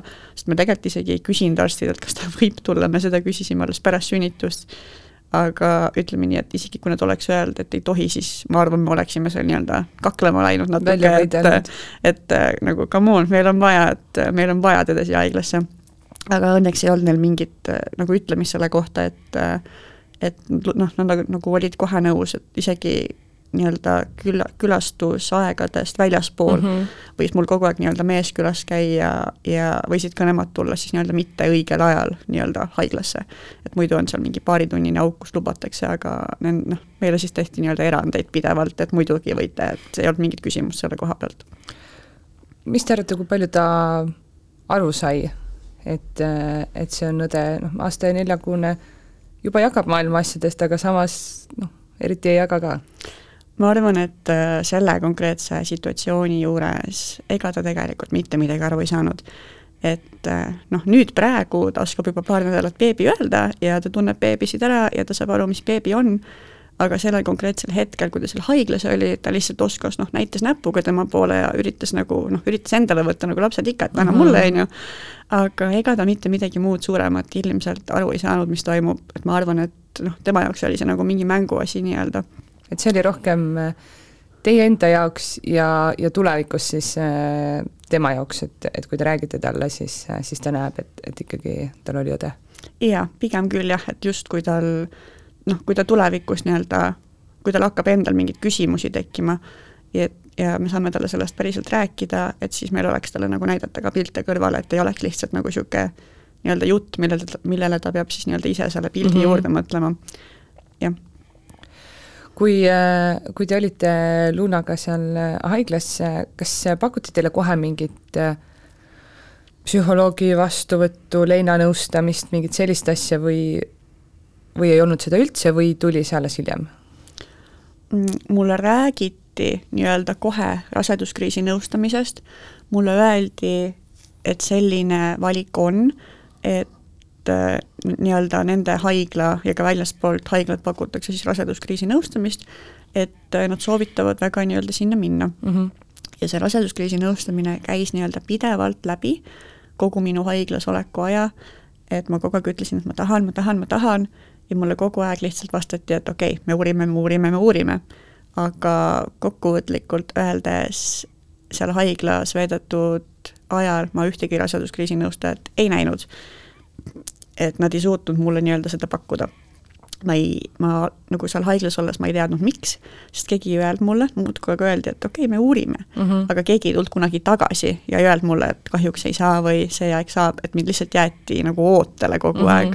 järgmisel hommikul oli muudkui uus arst, kes küsis uuesti ja ma muudkui jälle ütlesin, et jah, tahaks küll, ja kedagi jälle nagu ei tulnud tagasi mm. -hmm. et äh, esimene aeg siis sellel päeval, kui mind välja kirjutati lõpuks me siis rääkisime uuesti sellest raseduskriisi nõustamist, ma ütlesin, et jah, ma ikka veel tahan mm. -hmm. et see arst läks siis uurima ja tuli tagasi, ütles, et ma sain sulle aja kuueteistkümnendaks oktoobriks mis siis selles perspektiivis oli poolteist kuud hiljem sellest praegu, kui me salvestame, siis ei ole kuusteist oktoober veel kätte jõudnud. jaa, et seda aega ei ole ikka veel kätte jõudnud, et neil lihtsalt on nii vähe aegu pakkuda, et ma sain siis niimoodi aru, et need raseduskriisi nõustajad teevad nagu vabatahtlikult seda tööd mm, -hmm. et neil lihtsalt ei ole aegu mõtlesin, et okei okay,, et võib-olla ongi hästi, et ma saan nagu enne mõelda ise selle asja üle ja kõike seda nii-öelda seedida ja siis minna kellegagi nii-öelda nagu professionaalsel tasemel nii-öelda nagu mm -hmm. rääkima sellest, et nagu siis otsima seda abi, et äkki siis mul on kuidagi nagu lihtsam ka rääkida sellest. et sa jõuad sellest. endas võib-olla mingid asjad läbi mõelda, protsessida, natuke juba ära leinata.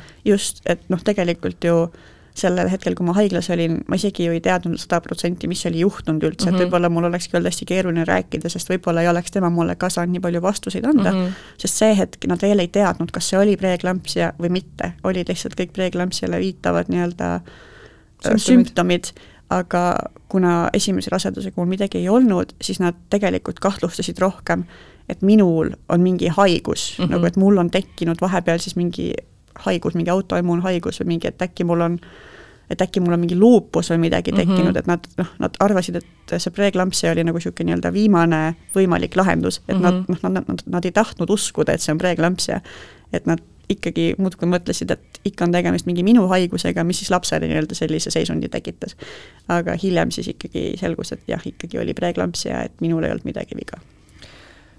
ma olen aru saanud, et preeklampsia tavaliselt on esimese raseduse puhul või võib seda ka juhtuda edasi?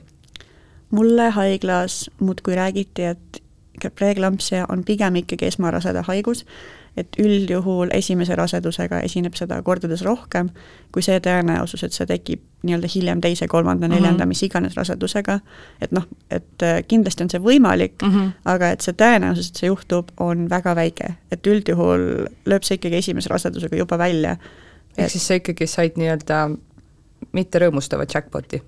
jaa, ses suhtes küll, et äh, et isegi kui ma hiljem nii-öelda käisin arstide vastuvõttudel, kes siis mulle nagu seletasid seda rohkem, olidki, et, et oh issand, et sul oli raske preeklampsia kahekümne viiendal nädalal ja teise rasedusega. et, et kuidas see nagu juhtus, et need arstid olid ise ka täielikus šokis ja tegid kõikvõimalikud uuringud, et nagu äkki see ikkagi oli midagi muud, et nad, nad tõesti ei tahtnud uskuda, et see preeklampsia oli, et seda juhtub nii harva et nad jah, nad olid ise ka vai-, nii-öelda vaimustuses, et mulle muudkui üks hästi tore arst rääkis, et oi, ma ise tahan ka nii väga teada, mis nagu valesti läks, et see on täiesti uskumatu nii-öelda. kas äh, jõudsid nad, on nad praeguseks jõudnud äh, mingile järeldusele siis, miks?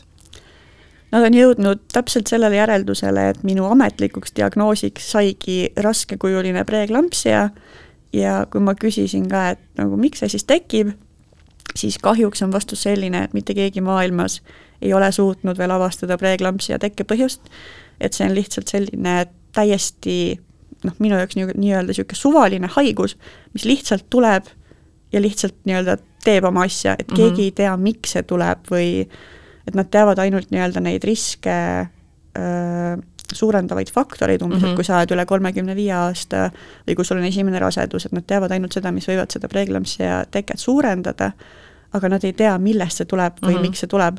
nii et see jääb ses suhtes ilmselt minu elu lõpuni müsteeriumiks, et kust see tuli või miks, ma muidugi väga loodan, et äkki kunagi avastatakse preeklampsia tekkepõhjus, aga mina seda ilmselt kunagi teada ei saa, miks see tuli kui kaua sa pärast veel haiglas olid ja, ja mis äh, sinuga siis äh, tehti, kuidas sind seal üles turgutati ja mis seisus sa lõpuks sealt välja tulid, kas äh, noh, kõik need organid, mis äh, hakkasid juba alla andma, nüüd töötavad nii, nagu peavad? ma olin kokku haiglas vist üheksa päeva, äh, pärast sünnitust siis viis päeva äkki, kui mu matemaatika õige on, või kuus äärmisel juhul, ühesõnaga päris pikka aega. Ja äh, mis nad siis tegid, on see, et noh, pidevalt mõõtsid vererõhku, esimesed kaks päeva pärast sünnitust sain ma veel seda magneesiumit, et tavaliselt seda nii pikalt ei anta, aga minu puhul nad andsid seda siis veidi pikemalt, et see vist aitab ka kuidagi siis kogu sellele asjale kaasa. ikka veel sain veeni seda vererõhku alandavat äh, tilka mm, -hmm. aga paremaks ses suhtes nagu alguses üldse ei läinud, esimesed kolm-neli päeva nagu mingit muutust vererõhu osas nagu väga ei olnud et nad lihtsalt jällegi lootsid, et peaasi, et hullemaks ei lähe, et kui laps on ära sündinud, siis tegelikult keha peaks nagu ise hakkama vaikselt äh, ennast nii-öelda taastama mm. -hmm. et äh, ses suhtes, et neerukahjustuse ja maksakahjustuse korral otseselt midagi teha ei saa, et keha peab lihtsalt vaikselt hakkama taastuma. nagu ise, iseennast nii-öelda korda tegema, jah, taastuma.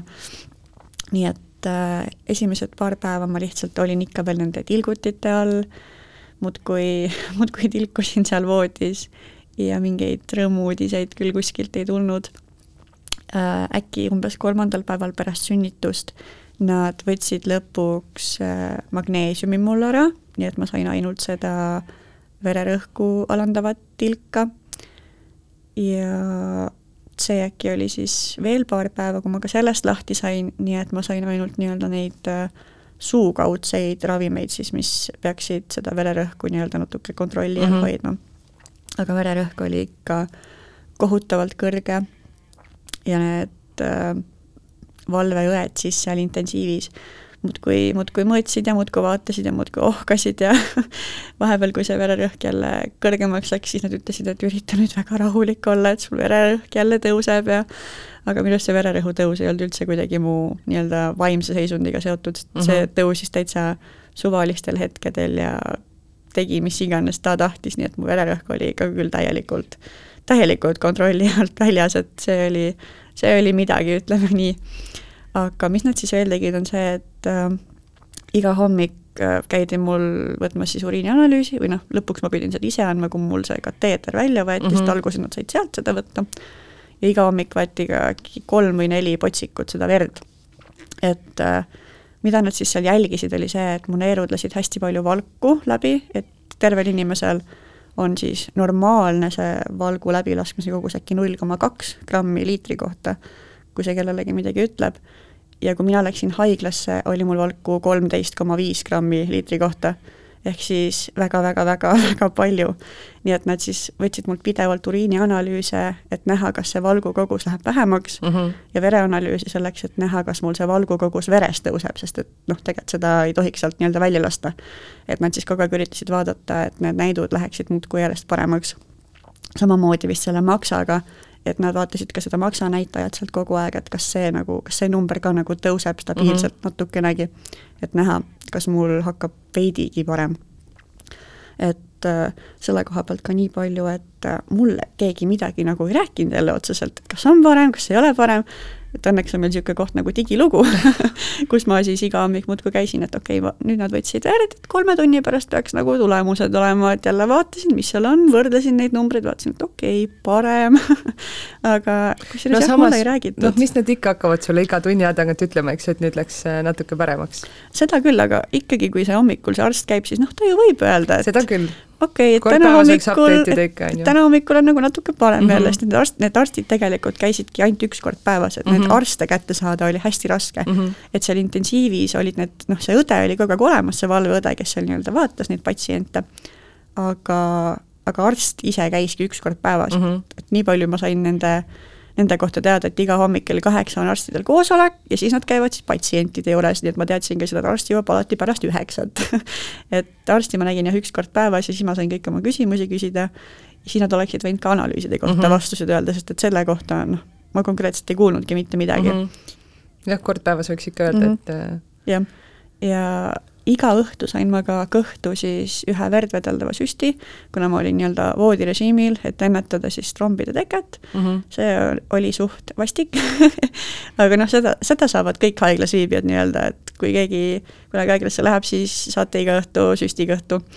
Et seda, seda ei andnud läbi rääkida kuidagi, ei, haiglas on hea, seda tehakse, haiglas tehakse seda ise, aga mul oli pärast keisrit, ma läksin koju, ma pidin ise seda tegema, see oli päris rõve. ja mul lõpuks üks, noh, kui ma lõpuks siis perepalatisse sain hiljem, siis mulle ka emaemand ütles, et kuule, et kas sa tahad ise selle süsti teha, et et äkki pead kodus jätkama, et siis on hea, kui oled ühe korra proovinud.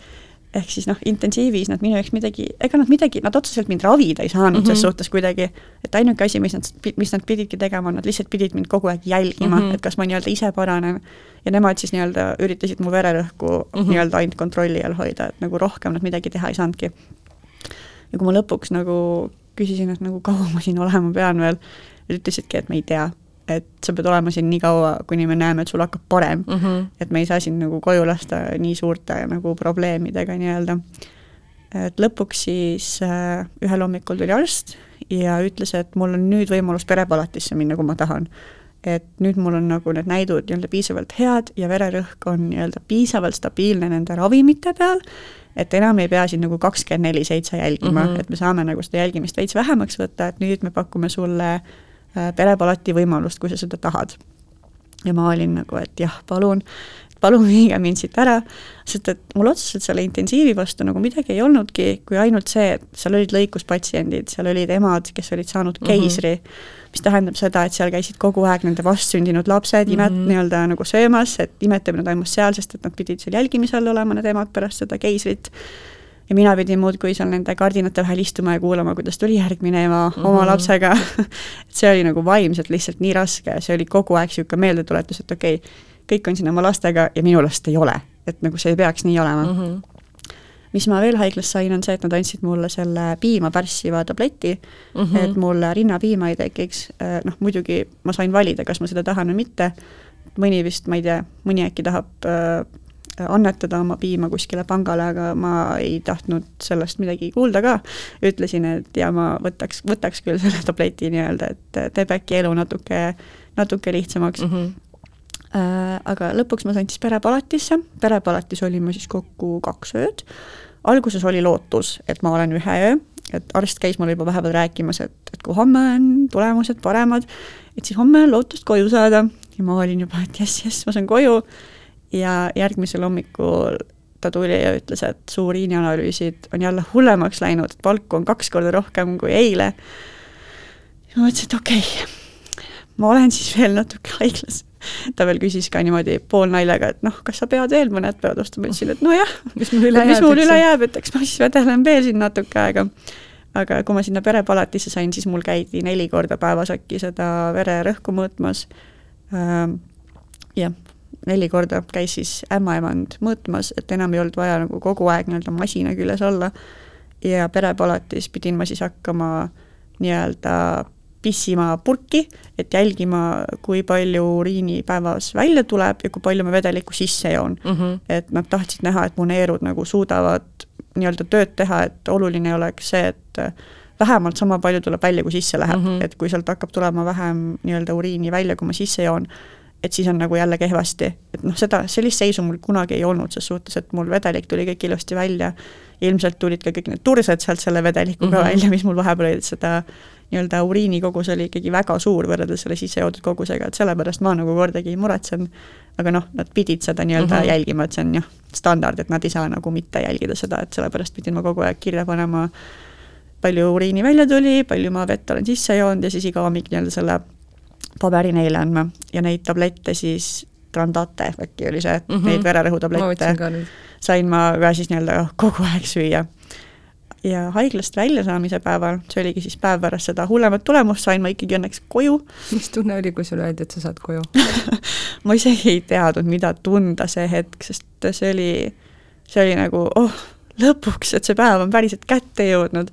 See oli niisugune natuke uskumatu tunne, et samas mul olid ka niisugused nagu vastastikused tunded, et okei okay,, ma lähen nüüd koju, aga kas ma saan hakkama mm -hmm. kodus, et kas ma kas ma suudan oma esimese lapsega nagu toime tulla, et kas ma saan talle süüa teha, et ma ei jäänud temaga kohe üksi mm, -hmm. et haiglas nagu noh, toit toodi ette, on ju, kõik jälgivad mind, kõik on nagu hästi, ma saan lihtsalt puhata, aga kodus on see kohe ju nagu hoopis teistmoodi mm, -hmm. mu nagu esimene mõte oli ilmselt kohe see, et kuidas ma nüüd hakkama saan, et appi, et, et mis ma nüüd teen, et äh, kuidas ma, kuidas ma eluga edasi lähen ja mis siis, kui ma ei tule toime, et kust ma, kelle ma mulle sinna koju ruttu palkan, et mu laps, ma ei tea, kõhu täis saaks mm -hmm. või midagi niisugust aga kodu, koju läksin ma siis nii-öelda sellises seisus, et äh, kõik analüüsid olid ikka veel pekkis ses suhtes aga tõusulainel nii-öelda mm -hmm.. ehk siis kõik need analüüsid, mis nad mulle olid teinud, nad muudkui nägid, et iga päev läheb natuke paremaks, et nad olid küll nii-öelda väga halvas seisus, aga nii-öelda piisavalt heal tõusulainel, et mind koju saata mm. -hmm. et mu vererõhuravimid vahetati ka vahepeal välja sellel päeval, kui ma koju läksin, mulle anti mingi nii-öelda pikematoimelisem vererõhuravim, et haiglas ma sain mingit sellist, mis nagu toimis ainult lühikest aega mm -hmm. ja ta ei, ta ei olnud nagu pikatoimeline. et äh, koju sain ma siis metropolooli äkki, kui ma õigesti mäletan, mida ma siis äh, pidin alguses kaks korda päevas võtma, hiljem pidin ühe korra päevas võtma ja kodus pidin siis kolm korda päevas mõõtma mõlemalt käelt vererõhku mm -hmm. ja pidin siis kirja panema ja hiljem siis äh, sisehaiguste arstile nii-öelda ette kandma mm, -hmm. et mhm. kuidas mul selle vererõhuga nii-öelda läheb. just. et äh, haiglast koju minnes ma pidin kogu aeg veel kõike jälgima ja uriinianalüüse viima ja noh, ühesõnaga kõik nagu sama asi sisuliselt jätkus, mis haiglas, aga ma sain seda lihtsalt kodus teha mm. -hmm. kas sa Luunat nägid veel haiglas? Või, või kuidas see pool oli, et kui te olite temaga selle esimese päeva ära, kas pakuti veel mingit varianti või öeldi, et, et noh, nüüd enam ei saa teda näha või, või kuidas see osa haiglas on? me teda rohkem ei näinud, et kui me ta haiglas üle andsime, siis ta viidi kohe nii-öelda sinna öö, uuringutele, et mm -hmm. Eestis on selline seadus, mis näeb ette, et alates kahekümne teisest nädalast sündinud lapsed või vähemalt viissada grammi kaaluvad lapsed saadetakse alati siis uuringutele, kui nad on surnult sündinud mm -hmm. nii-öelda sinna patoloogiasse vist, ühesõnaga.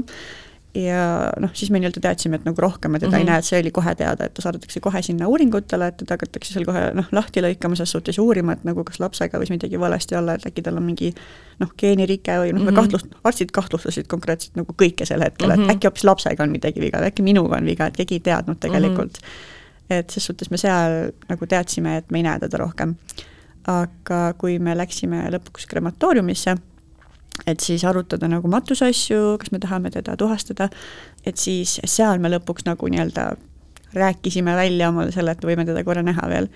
et noh, see inimene, kes seal oli, ilmselt ei olnud äh, ilmselt ei olnud liiga palju tegelenud siis nii pisikeste surnult sündinud lastega, et äh, tema konkreetselt ütles meile, et mina küll ei soovita teil teda enam vaadata et noh, ilmselt ta ei olnud ka see hetk väga ratsionaalses seisus, kui ta nagu kuulis, mis meil oli juhtunud. ja tema konkreetselt ütleski niisuguse lause, et ärge vaadake, et te saate trauma, kui te teda vaatama lähete, et mm, -hmm. et nagu ärge, ärge, ärge nagu tehke endale seda nii-öelda karuteenet, et nagu mm -hmm. minge, minge koju, et nagu ei ole, ei ole vaja, et ei ole nagu mõistlik teda vaadata me olime seal nagu, et nagu mis mõttes, mis trauma, et me oleme teda juba näinud ju korra noh, siis oli järgmine põhjus, et okei okay,, aga ta on ju lahti lõigatud ja kokku õmmeldud, et nagu olete te kindlad, et te tahate näha seda. me olime mõlemad nagu täitsa veendunud, et kui meil see võimalus on, et lähme nagu vaatame ikkagi korra mm -hmm. veel, et, et noh, nii-öelda see viimane hüvastijätt nagu tema päris kehaga siis nii-öelda. et ta pandigi meile sinna nii-öelda matusesaali, panid nad siis mingisuguse valge lina sisse, sest et riided olid liiga suured talle, et oli ainult kakskümmend seitse sentimeetrit äkki ja siis me saimegi seal nii-öelda viimast korda temaga täitsa kahekesi hüvasti jätta siis selles suures äh, matusesaalis nii-öelda, kus neid noh, matusetalitusi nii-öelda tehakse. et seal me siis saime, ma arvan, me olime seal umbes äkki viis-kümme minutit, mitte väga pikalt, et me olime selle nagu suurema osa ajast ikkagi haiglas temaga ära veetnud mm, -hmm. et me ei mhm. tundnud nagu mingit vajadust otseselt pikalt olla, vaid vaid noh, see oli lihtsalt nagu niisugune boonus nii-öelda, et me -hmm. saame korraks veel näha. et kõige viimane? just, et nagu vaatame ikka korra veel, et kui meil see võimalus on, et noh, tundus nagu loll mitte seda ära kasutada mm -hmm. nii-öelda, et et kui vähegi, kui vähegi võimalik on, et siis me mõtlesime, et no lähme ikka vaatame veel, et noh, ja me tõesti nägimegi, noh, tal olid tõesti keha lahti lõigatud ja kinni plaasterdatud ja noh, ega see ei olnud mingi niisugune ilus vaatepilt mm, -hmm. aga noh, ikkagi sinu enda laps, on ju, et et see, ma olen väga õnnelik, et me lõpuks suutsime selle naise ära rääkida, et palun lubage vaatama et me teame ikkagi paremini kui teie, et ei tekita see meile mingit traumat mm, -hmm. et kõik, kõik on okei okay,, et ärge muretsege kuidas see matuste organiseerimine käis, käib, te lasite ta tuhastada küll, miks seda ja, ja kas te olete juba hauaplatsi ostnud, välja valinud? Ma kujutan ette, et seal on ka ju see, et et sa pead hakkama endale hauaplatsi valima, kui sa tahad tulevikus, et sind on, et sa oled oma lastega koos maetud. Äh, ja me lasime ta tuhastada, meile lihtsalt mõlemale tundus see parem valik, sest et noh, see on meie nagu enda niisugune arvamus, aga me ise ei taha lasta ennast nagu matta, me mõlemad tahame ka ennast tuhastada lasta, sest et kui sa selle keha sinna matad, siis paratamatult loodus hakkab oma tööd tegema, mingid ussid hakkavad seal närima, mida kõike, et see tundub lihtsalt niisugune natuke rõve, et mingisugused äh, ussid ja asjad seal seda keha nii-öelda lagundavad, et tundub lihtsalt nagu inimlikum lasta tuhastada ja siis see tuhkmata mm. -hmm. lihtsalt see lagundamise protsess lihtsalt tundub natuke vastik.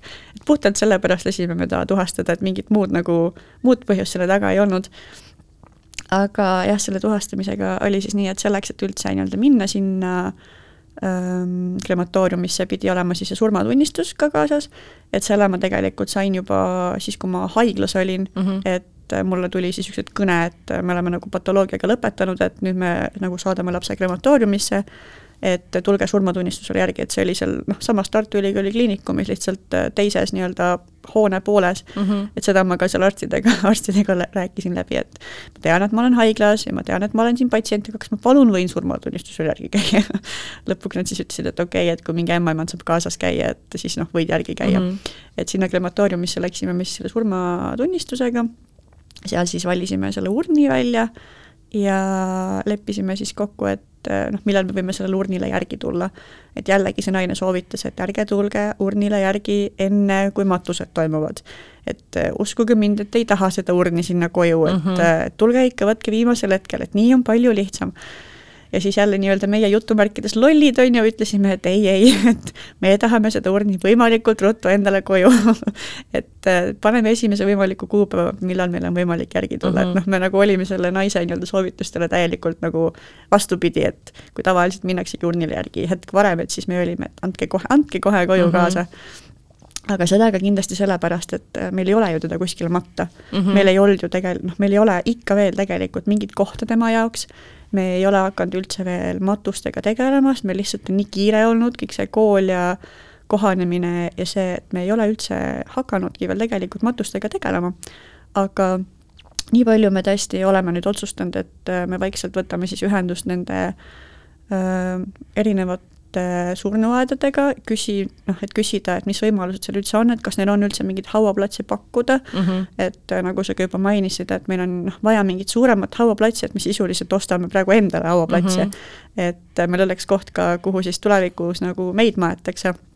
et meile ei sobi nagu mingi niisugune väike suvaline kohakene, kuhu nii-öelda luunad matta, et mm -hmm. me tahame pärast nagu ühes kohas olla et ma noh, ei ole kunagi sellega tegelenud, ei tea üldse, mis võimalused seal Tallinnas nagu on nende hauaplatsidega ja kuidas see üldse sealt edasi käib, et mis need hinnad ja kogu see majandus on, et äh, me nüüd tahame vaikselt sellega tegelema hakata, enne kui nii-öelda lumi maha tuleb, et et tahaks ta nii-öelda lõplikult ära matta nii-öelda mm, -hmm. et saaks selle nii-öelda tsükli või selle perioodi nagu korda, et saaks sinna nagu joone alla tõmmata, et meil on kõik see nagu äh, paberimajandus ja need asjad nagu ka ära tehtud, et see tundub tegelikult ka kõik veel nii keeruline, kuidas see matmine üldse nagu käima hakkab mm, -hmm. et äh, jah, ma ei ole üldse veel jõudnud sellega tegeleda. ja kahjuks on kõik need telefoninumbrid ka ainult esmaspäevast reedeni kaheksast neljani tööpäevadel, et me oleme tegelikult Tartus, on ju, et ma ei kujuta ette, kuidas me neid hauaplatse üldse vaatamas saame käia millal me selle aja leiame, et see mm -hmm. kõik on ka nii, nii lahtine veel ja nii keeruline kõik, et tahaks, tahaks vaikselt sellega tegelema hakata, et see tundub ka kõik niisugune jube, jube peavalu sa ütlesid, rääkisid enne sellest äh, surmatunnistusest, kas haiglas oli veel mingit sellist äh, paberimajandust või bürokraatiat, äh, mis kuidagi surnult sündinud laste puhul on võib-olla teistmoodi? on seal lisaks mingit paberimajandust või on ikkagi see, et et kui laps sünnib surnult, siis lihtsalt sa saadki noh, sisuliselt sünnitunnistuse asemel surmatunnistuse? sisuliselt on jah nii, et sünnitunnistuse asemel sa saad lihtsalt surmatunnistuse. mingeid lisaasju ajama ei pea mm, -hmm. äh, ongi ainult see, et noh, kui nii-öelda eluslapse sünni puhul sa saad selle nime nagu panna siis, kui sina soovid mm -hmm. ja noh, internetis tegelikult on ju, et me panime esimesele lapsele läbi neti, seal klõpsisime seda mm -hmm. nime. voodis paned ära, on ju? ja, ja me panimegi suht nagu esimesel mm -hmm. lapsel kohe ära, et oh davai, et teeme selle asja korda. Aga seal oli siis see, et noh, küsiti, et kas esiteks tahate panna või ei taha panna ja teiseks siis, et noh, kui tahate, siis pange siia nimikirja mm. -hmm. et siis see nii-öelda läks sinna surmatunnistusele kirja. aga midagi muud nagu teistmoodi ei ole, võib-olla tegelikult tooks välja selle, et kui noh, kui sa muidu oled haiglas ja sünnitad, siis sa pead maksma ikkagi selle eest, et noh, selle peretoa eest sa maksad, mhm. on ju, selle toidu eest, mis sulle tuuakse, sa maksad, aga kui mina haiglast välja kõndisin, ma ei maksnud mitte ühte senti ka. Ma ei pidanud maksma peretoa eest, mis tegelikult oli vist nelikümmend viis eurot üks päev äkki et äh, seda mulle öeldi juba kohe, kui ma sinna haiglasse läksin esimesel päeval, et kõik on mulle nagu tasuta. et või noh, õigemini, et kui see laps surnud oli, siis mulle öeldi, et mul on mm -hmm. kõik tasuta, et ma ei pea muretsema nagu selle haiglas veedetud aja pärast, toidu pärast äh,, selle peretoa pärast, et äh, selle nagu maksab nii-öelda sellise sündmuse korral haigla kinni okay.. et kui eluslapsega sa pead nii-öelda ise selle eest maksma, siis mina ei pidanud selle nii-öelda rahalise poole pealt üldse muretsema mm. -hmm et noh, kui ma oleksin seal peretoas kauem olnud, siis noh, seal oleks ikka sellised ilusad summad tulnud, et noh, sada viiskümmend eurot oleks ma pidanud kindlasti maksma mm -hmm. selle mhm. kolme päeva eest, ma arvan. aga et mina ei pidanud midagi maksma selle eest. Aga minu arust haigla, selles suhtes Tartu Ülikooli Kliinikum oli nii tore, need töötajad olid selles suhtes hästi toredad, et äh, ma nagu kordagi ei tundnud ennast, et nad oleks mind kuidagi nagu unustanud ses mm -hmm. suhtes või kuidagi, et ainuke negatiivne pool, mis mul on välja tuua, ongi seal intensiivis, kus äh, noh, olid niisugused vanemad naisterahvad natuke tööl, kuidas ma kuulsin nagu pidevalt seda, et noh, ära ole kurb, et ära nuta, et noh, ma tean, et nad üritasid seda vererõhuga nagu seostada, et mm -hmm. et ma peaksin rahulik olema, et seda vererõhku korda saada, aga noh, seal intensiivis oli noh, kogu aeg nii-öelda neli inimest siis kokku, et äh, kogu aeg nad muudkui käisid, et ole rahulik, et ära muretse, et ära nuta, et kõik saab korda mm, -hmm. et vaata, vaata asja ikka positiivselt, noh, kogu aeg nagu niisugust asja, samal ajal kui ma olin just nagu surnud lapse sünnitanud, et mm -hmm. nagu mul on vaja nutta ka nagu natuke. Ja mida ma ka nagu kuulsin paar korda, mis mul nagu hullult nii-öelda kopsu üle makse ajas, on see, et aga sul on ju esimene laps kodus, et nagu ole siis selle üle vähemalt õnnelik. kas sa peaksid siis nagu vähem kurb olema, sest sul on üks laps juba ees. jaa, et sisuliselt oli umbes jah, see, et nagu, et noh, ole vähemalt selle õnnelik, et sul üks laps on, et mõnel pole sedagi, on ju. ja siis järgmine asi oli see, et kuidas see, kuidas see minu olukorda peaks paremaks tegema ja,? jaa, jah, ma mõtlesin peas nagu täpselt samamoodi, et mis, okei okay,, et aitäh, et ütlesid umbes, aga see ei olnud nagu jäta ütlemata, kui mm -hmm. nagu niisugust asja öelda tahad. ära parem ütle midagi, eks. jah, et ära parem ütle midagi, et see ei tee nagu asja kuidagi paremaks.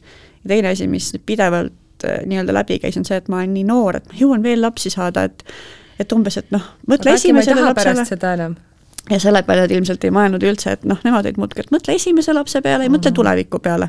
et ära mõtle sellele, mis juhtus, et vaata nagu positiivselt, et esimene laps on, küll saad järgmisi ka, et aega on veel nii palju, et noh, ole nüüd rahulik umbes, et et ära nüüd nuta ja nagu minu arust see tegi asja veel hullemaks uh, -huh. sest kui ma enne ei tahtnud nutta, enne kui ta seda ütlema tuli, siis siis ma küll tahtsin et kuidas see minu vanus peaks asja positiivsemaks tegema mm. -hmm. et noh, kolmekümne viiesele sa ei läheks ütlema, et mõtle nüüd positiivselt, et küll sa jõuad järgmise lapse saada mm, -hmm. aga sellepärast, et ma olen kakskümmend üks, et mulle siis võib niisugust asja öelda.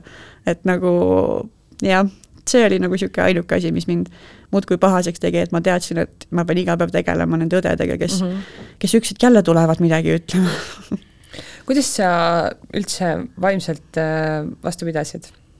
ja, ja kuidas äh, kodus olev mees vaimselt vastu pidas?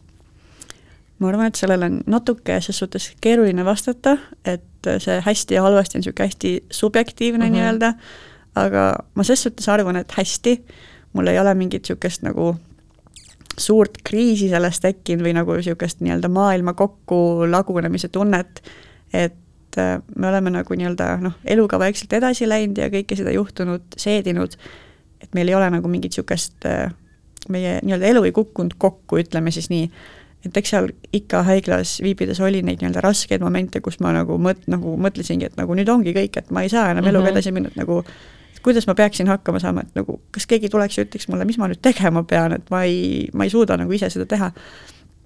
aga siis läks kõik jälle paremaks ja me jälle rääkisime ja suures plaanis ikkagi noh, kõik oli nii-öelda ilmselt nii hästi, kui olla sai sel mm -hmm. hetkel.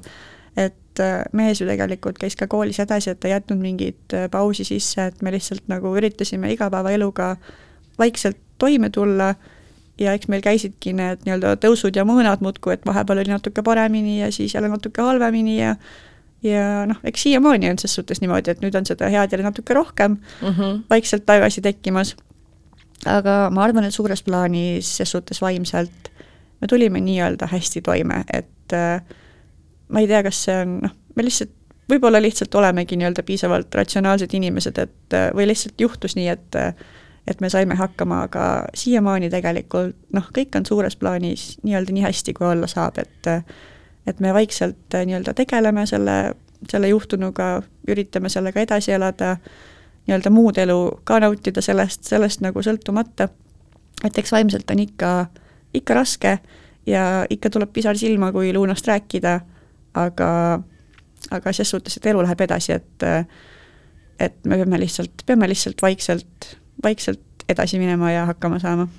ja eks äh, tegelikult ju oma osa mängib ka see, et äh, teil on ju Bailey, et äh, võib-olla kui teda ei oleks, siis oleks lihtsam kokku variseda.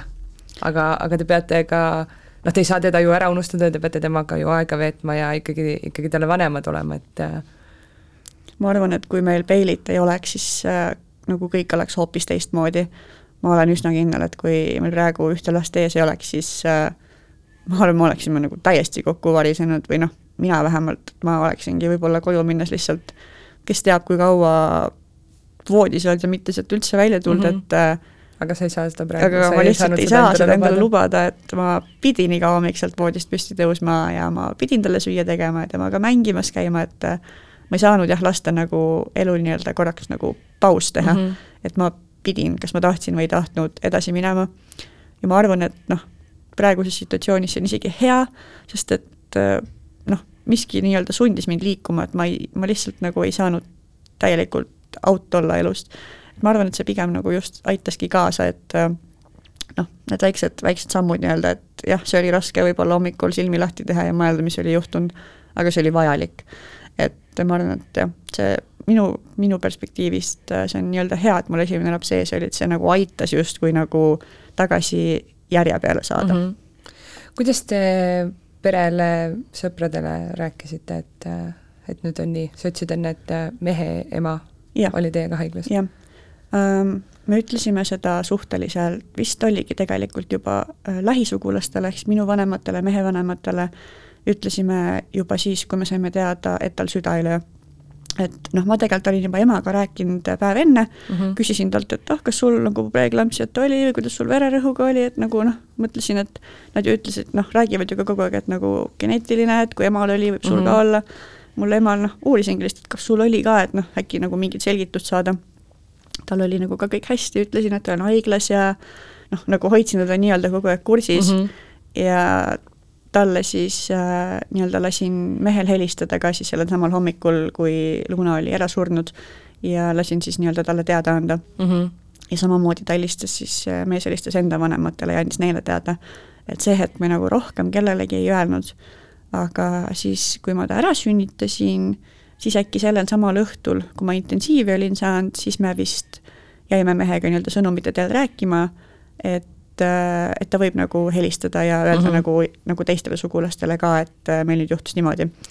et noh, me nagu ei tahtnud kuidagi kirja teel niisugustesse kirjutada mm, -hmm. vaid äh, ta siis nagu helistas igale ühele või noh, igale perele siis nii-öelda nagu eraldi, et mm -hmm. andis nagu teada, mis juhtunud oli, et me nagu kuidagi sattusime niimoodi, et tema nagu tahtis sellega tegeleda, et mm -hmm.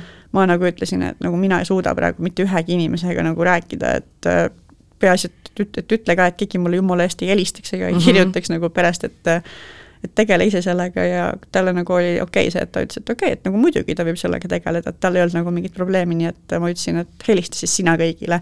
et tegele sina selle kõigega, et ma siis ei pea selle pärast muretsema mm, -hmm. et keegi ka mulle helistab või midagi, et noh, anna teada ja palu, et, palu, et keegi minuga ühendust ei võtaks milline teie lähedaste toetus olnud on ja, ja kuidas äh, sellises olukorras üldse käituma peaks?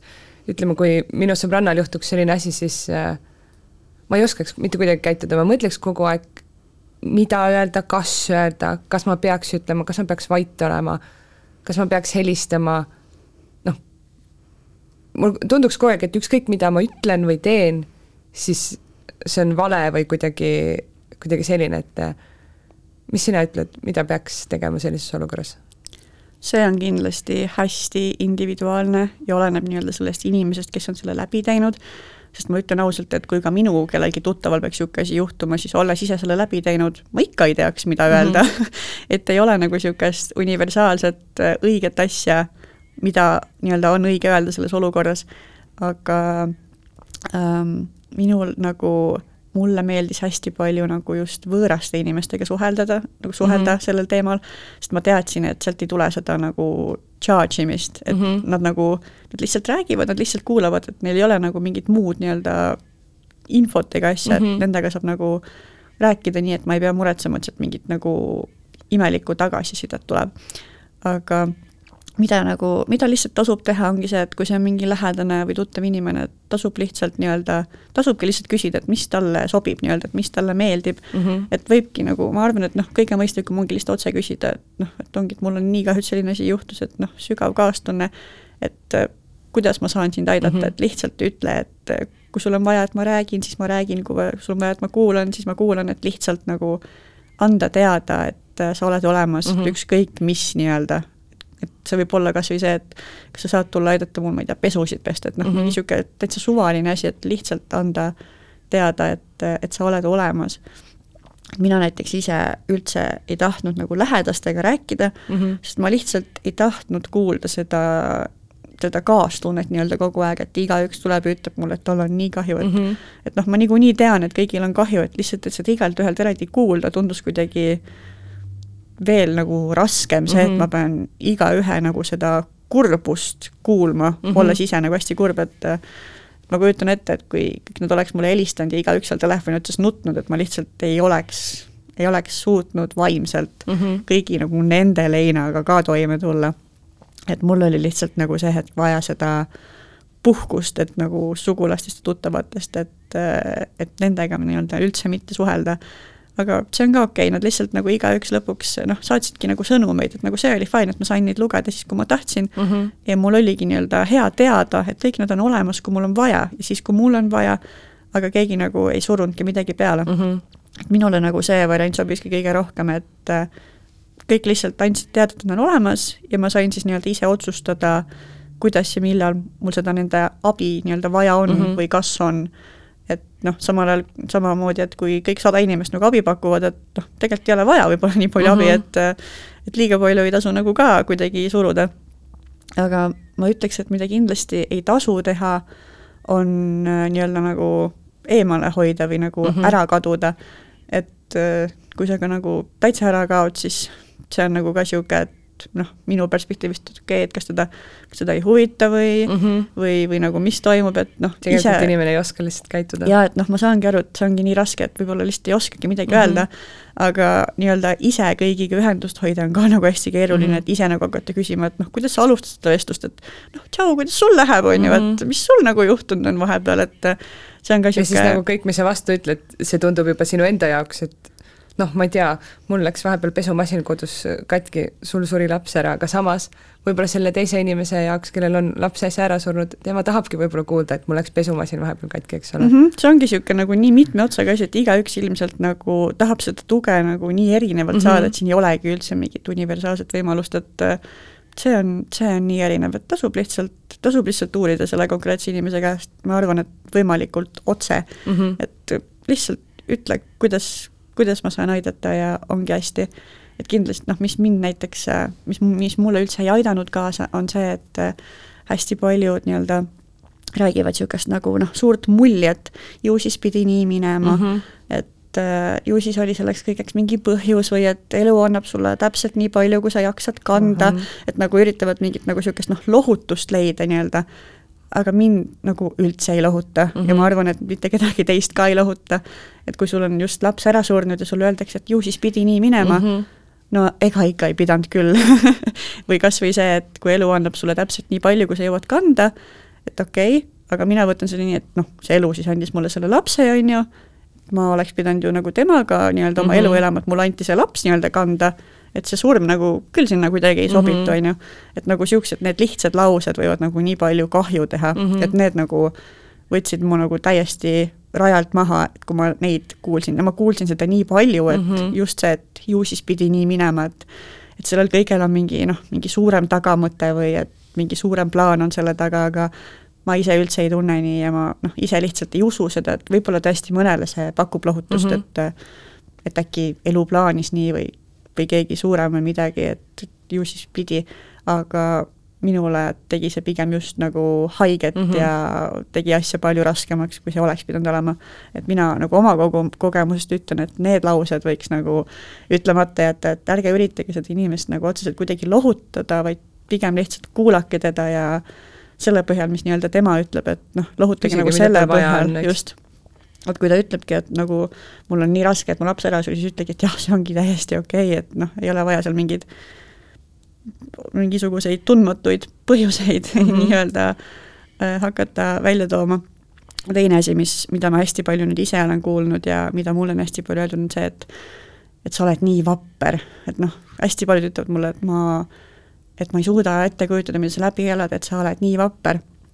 aga selle vaprusega on ka see, et okei okay,, noh, alguses võib-olla oli see tunne, et okei okay,, noh, ma tõesti olen väga vapper, on ju, aga lõpuks oli see, et miks ma pean nii vapper olema, et mm -hmm. ma mhm. ei ole palunud seda, et ma ei, ma ei ole soovinud nii vapper olla, et ma ei jaksa enam vapper olla. et äh, ma tahaks äkki praegu üldse nagu pikali visata ja lihtsalt karjuda natuke, et ma ei jaksa vapper olla enam.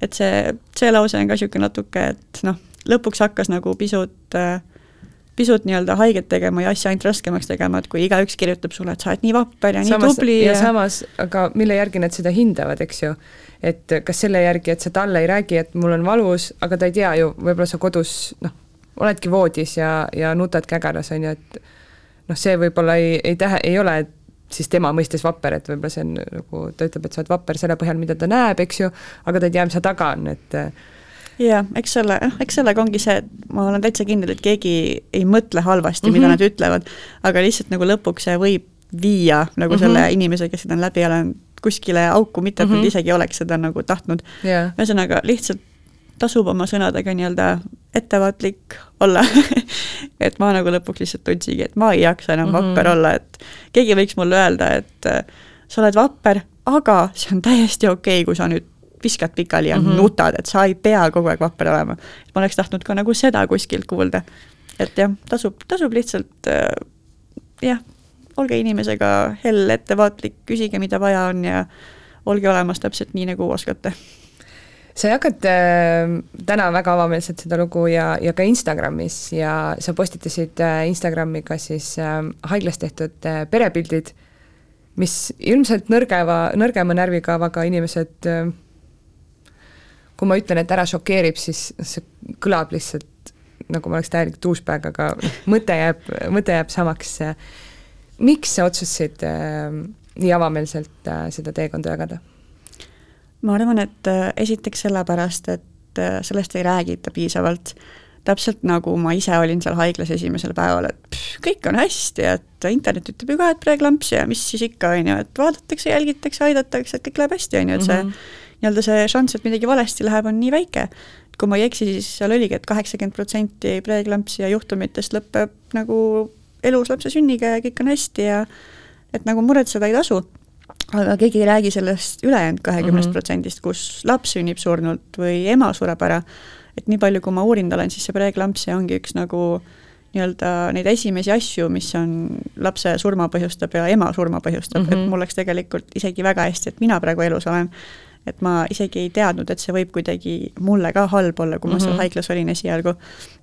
nii et üks põhjus on kindlasti see, et lihtsalt äh, lihtsalt jagada meie lugu, et äkki keegi teine nii-öelda leiab ennast samast olukorrast või leiab kuidagi mingit abi või kui keegi on sama teekonna läbi käinud, et siis see aitab teda natuke, et ta ei ole üksi, et mm -hmm. teistel juhtub ka selliseid asju. sest kui mul sel-, noh, kui ma sain nagu teada, mis mul juhtunud on ja see raske preeklamps ja lapse surm, siis ma konkreetselt tundsin, et nagu ainult mina olen selle läbi teinud mm, -hmm. et mhm. nagu kõigil teistel läheb hästi, et miks minul niimoodi läks. et lihtsalt kas või, kas või selleks, et näidata, et äh, inimesed ei ole üksi ja et äh, läheb ka, asjad ei lähe nii, nagu nad peavad minema, et isegi kui su rasedus on täiesti riskivaba, nagu mul oli, siis ikka võib midagi pahasti minna, et äh, ikka võib midagi juhtuda ja see ei ole isegi hirm, noh, see ei ole üldse hirmutamiseks, ma ei taha mm -hmm, kedagi mhm, hirmutada mm, -hmm. aga see on lihtsalt see, et tõsta teadlikkust, et mis kõik võib juhtuda, et, et ei ole kõik nii lilleline, nagu kõik räägivad. sest mulle ju noh, keegi kordagi ei toonud mingeid riske ega mm -hmm. mingit teemat üldse välja, et see kõik oli nagu selline pauk selgest taevast, et ma ei osanud isegi arvestada sellega, või need sümptomid kas või et et kui nagu tunned ennast natukegi halvasti, et tasub kohe kontrolli mm -hmm. minna, et lihtsalt, et jagada meie lugu, et äkki kedagi aitab see. ja noh, teine põhjus on ka see, et ma jagan seda sellepärast, et mind aitab see, et mm -hmm. kui ma mhm. saan sellest rääkida, siis see teeb minu olemise nii palju kergemaks. et äh, mis ma nagu kõige rohkem kardan, on see, et äkki ma unustan midagi ära või äkki ma mm, -hmm. äkki ma unustan Luuna ära. et see nagu pidev rääkimine aitab, samamoodi nagu ma räägin elus inimesest, ma räägin ka temast, sest et ta oli ka meie elus. ja noh, ma olen ka seda tegelikult Instagramis öelnud, et see on täiesti okei okay,, kui te nagu ei jälgi mind enam või kui te tunnete, et ei taha mind enam jälgida, et see ongi täiesti okei okay,, et ma tean, et see on hästi raske teema, et kõik ei suudagi nii-öelda seda nagu, et seda, seda ei peagi suutma kuulata mm -hmm. ega vaadata et äh, mul on ka paar tuttavat, kes ongi mulle nagu lihtsalt öelnud, et äh, et nagu kui midagi on, ma olen olemas, aga ma nagu konkreetselt nagu unfollow sin siin Instagramis, et nagu mul on nagu liiga raske vaimselt mm -hmm. nii-öelda vaadata seda kõike, mis sul juhtus, et äh, see on ka täiesti okei okay.. et jah, et mind üldse ei pea jälgima või võib lõpetada jälgimise, et see on, see on nii arusaadav, et kõik ei, kõik ei olegi suutelised nagu sellise asjaga tegelema aga kui keegi tahab, siis ma olen seal olemas nii-öelda, et ma loodan, et see, see meie lugu nii-öelda aitab kedagi tulevikus, et ei tunne ennast nii üksi oma olukorras.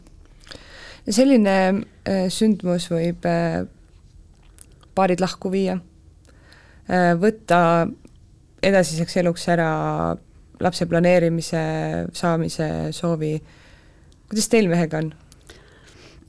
Äh, noh, suhte poole pealt kõik on ses suhtes hästi, et äh, ei ole nagu kuidagi kumbki tundnud ega noh, mina hetkel vähemalt küll mitte, et me nüüd kuidagi lahku hakkaksime mm -hmm. minema või või mingit niisugust asja, et noh, me nagu pidevalt räägime sellest, mis juhtus, räägime edasisest elust, et nagu suhte poole pealt on meil nagu suhtes kõik hästi.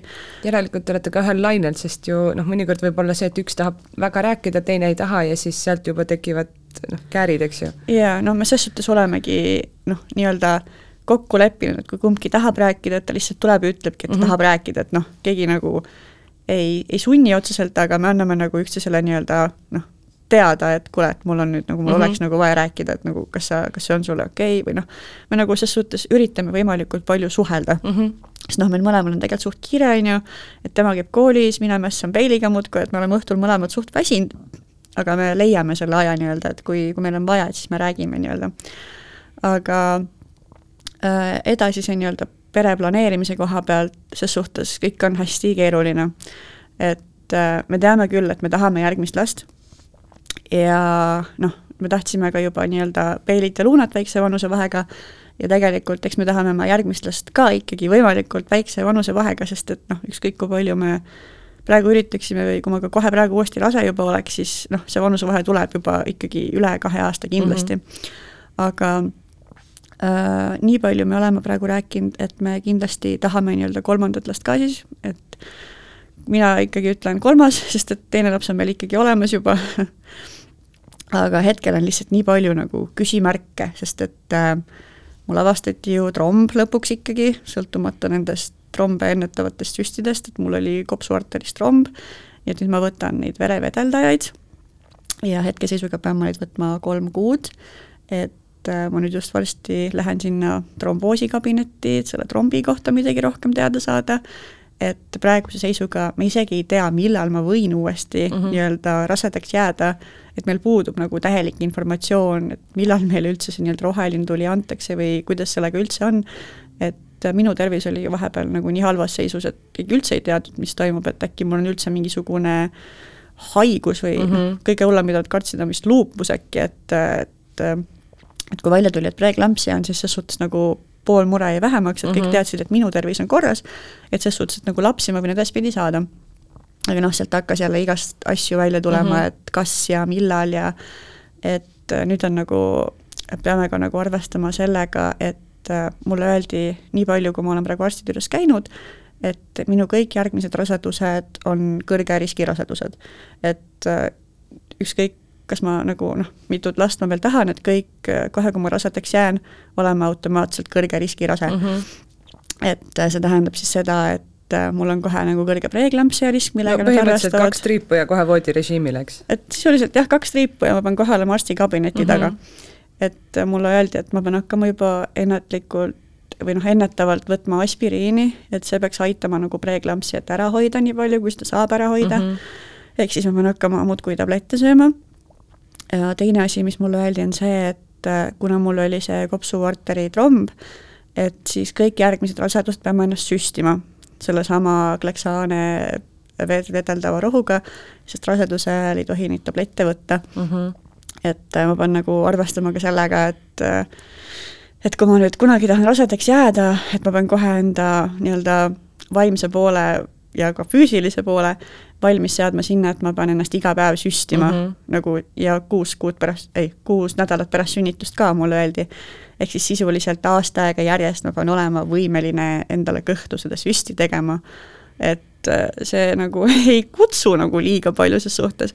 et äh, muidugi ma olen nõus kõik maailma süstid tegema ja kõik ravimid saama, et see rasedus oleks võimalikult äh, nii-öelda terve, et ma jõuaksin selle raseduse lõpuni kanda, et mul ei tekiks mingeid hädasid aga see süstimine tundub lihtsalt nii noh, hirmutav mm, -hmm. et noh, ega see süst, see süst ise ei ole üldse valus, sest see on sama süst, mis ma haiglas sain, see süst ei ole valus. aga mul isiklikult see nagu aine, mis sealt välja tuleb, see kuidagi nagu kipitab seal kõhu all, nii et ma istun seal kõht, kõht krampis nagu järgmised viis minutit, nagu see on nagu valus.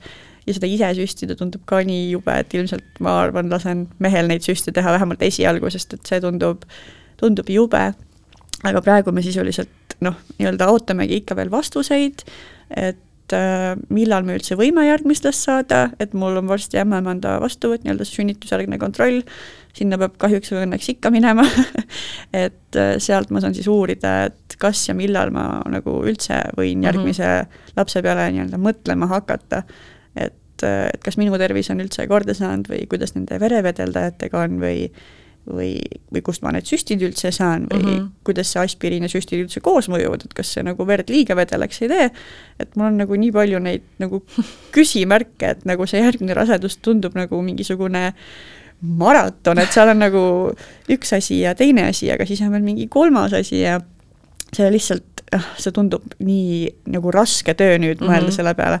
et kui enne oli see, et okei okay,, jääd rasedaks, käid ultrallidel, käid korra kuus seal, räägid tere, tore, lähme koju et nüüd on see nagu nii Pead palju raskem, nimel, eks ju. just, et ma pean nii palju mõtlema nagu selle peale, et mis, kus, millal, sest noh, nii palju ma ka tean, et eks nad kindlasti jälgivad rohkem, sest et noh, praegu ju tegelikult kahe nädalaga läks olukord nagu nullist sajani nii kiirelt mm, -hmm. et kui ma mäletan, et kahekümnenda nädala ultrallis mul selle lapse suuruseks hinnati noh, umbes seitsekümmend sentiili, et siis selles emergency ultrahelis, mis mulle tehti, ta oli ainult noh, mingi kaheksateist sentiili, et nagu kahe nädalaga tekkis nagu ka väga suur kasvupeetus, et see mm -hmm. platsenta nagu nii järsku läks nii halba seisu.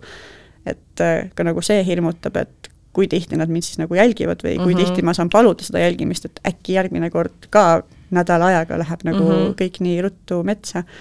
et äh, selle koha pealt on nagu nii palju küsimusi aga nii palju me jah teame, et me kindlasti tahame veel lapsi ühte kindlasti veel kui mitte rohkem, eks see selgub, aga see on meil kõik nii lahtine, et millal ja kuidas see üldse juhtuda saab ja millistel nii-öelda tingimustel mm. -hmm. et ilmselt peame me nii-öelda noh, väga palju selleks läbi tegema, et see kolmas laps nii-öelda loodetavasti elusalt enda käte vahele saada. Irja, aitäh sulle oma lugu jagamast, ma loodan, et, et sa saad vastused kõik need vastused, mis praegu sul, praegu tervisega õhus on ja ja ka need, mis puudutavad edasist las-, lapse saamist ja et järgmine kord läheb paremini. ja mina loodan seda ka aitäh sulle! aitäh sulle ka! aitäh kuulamast!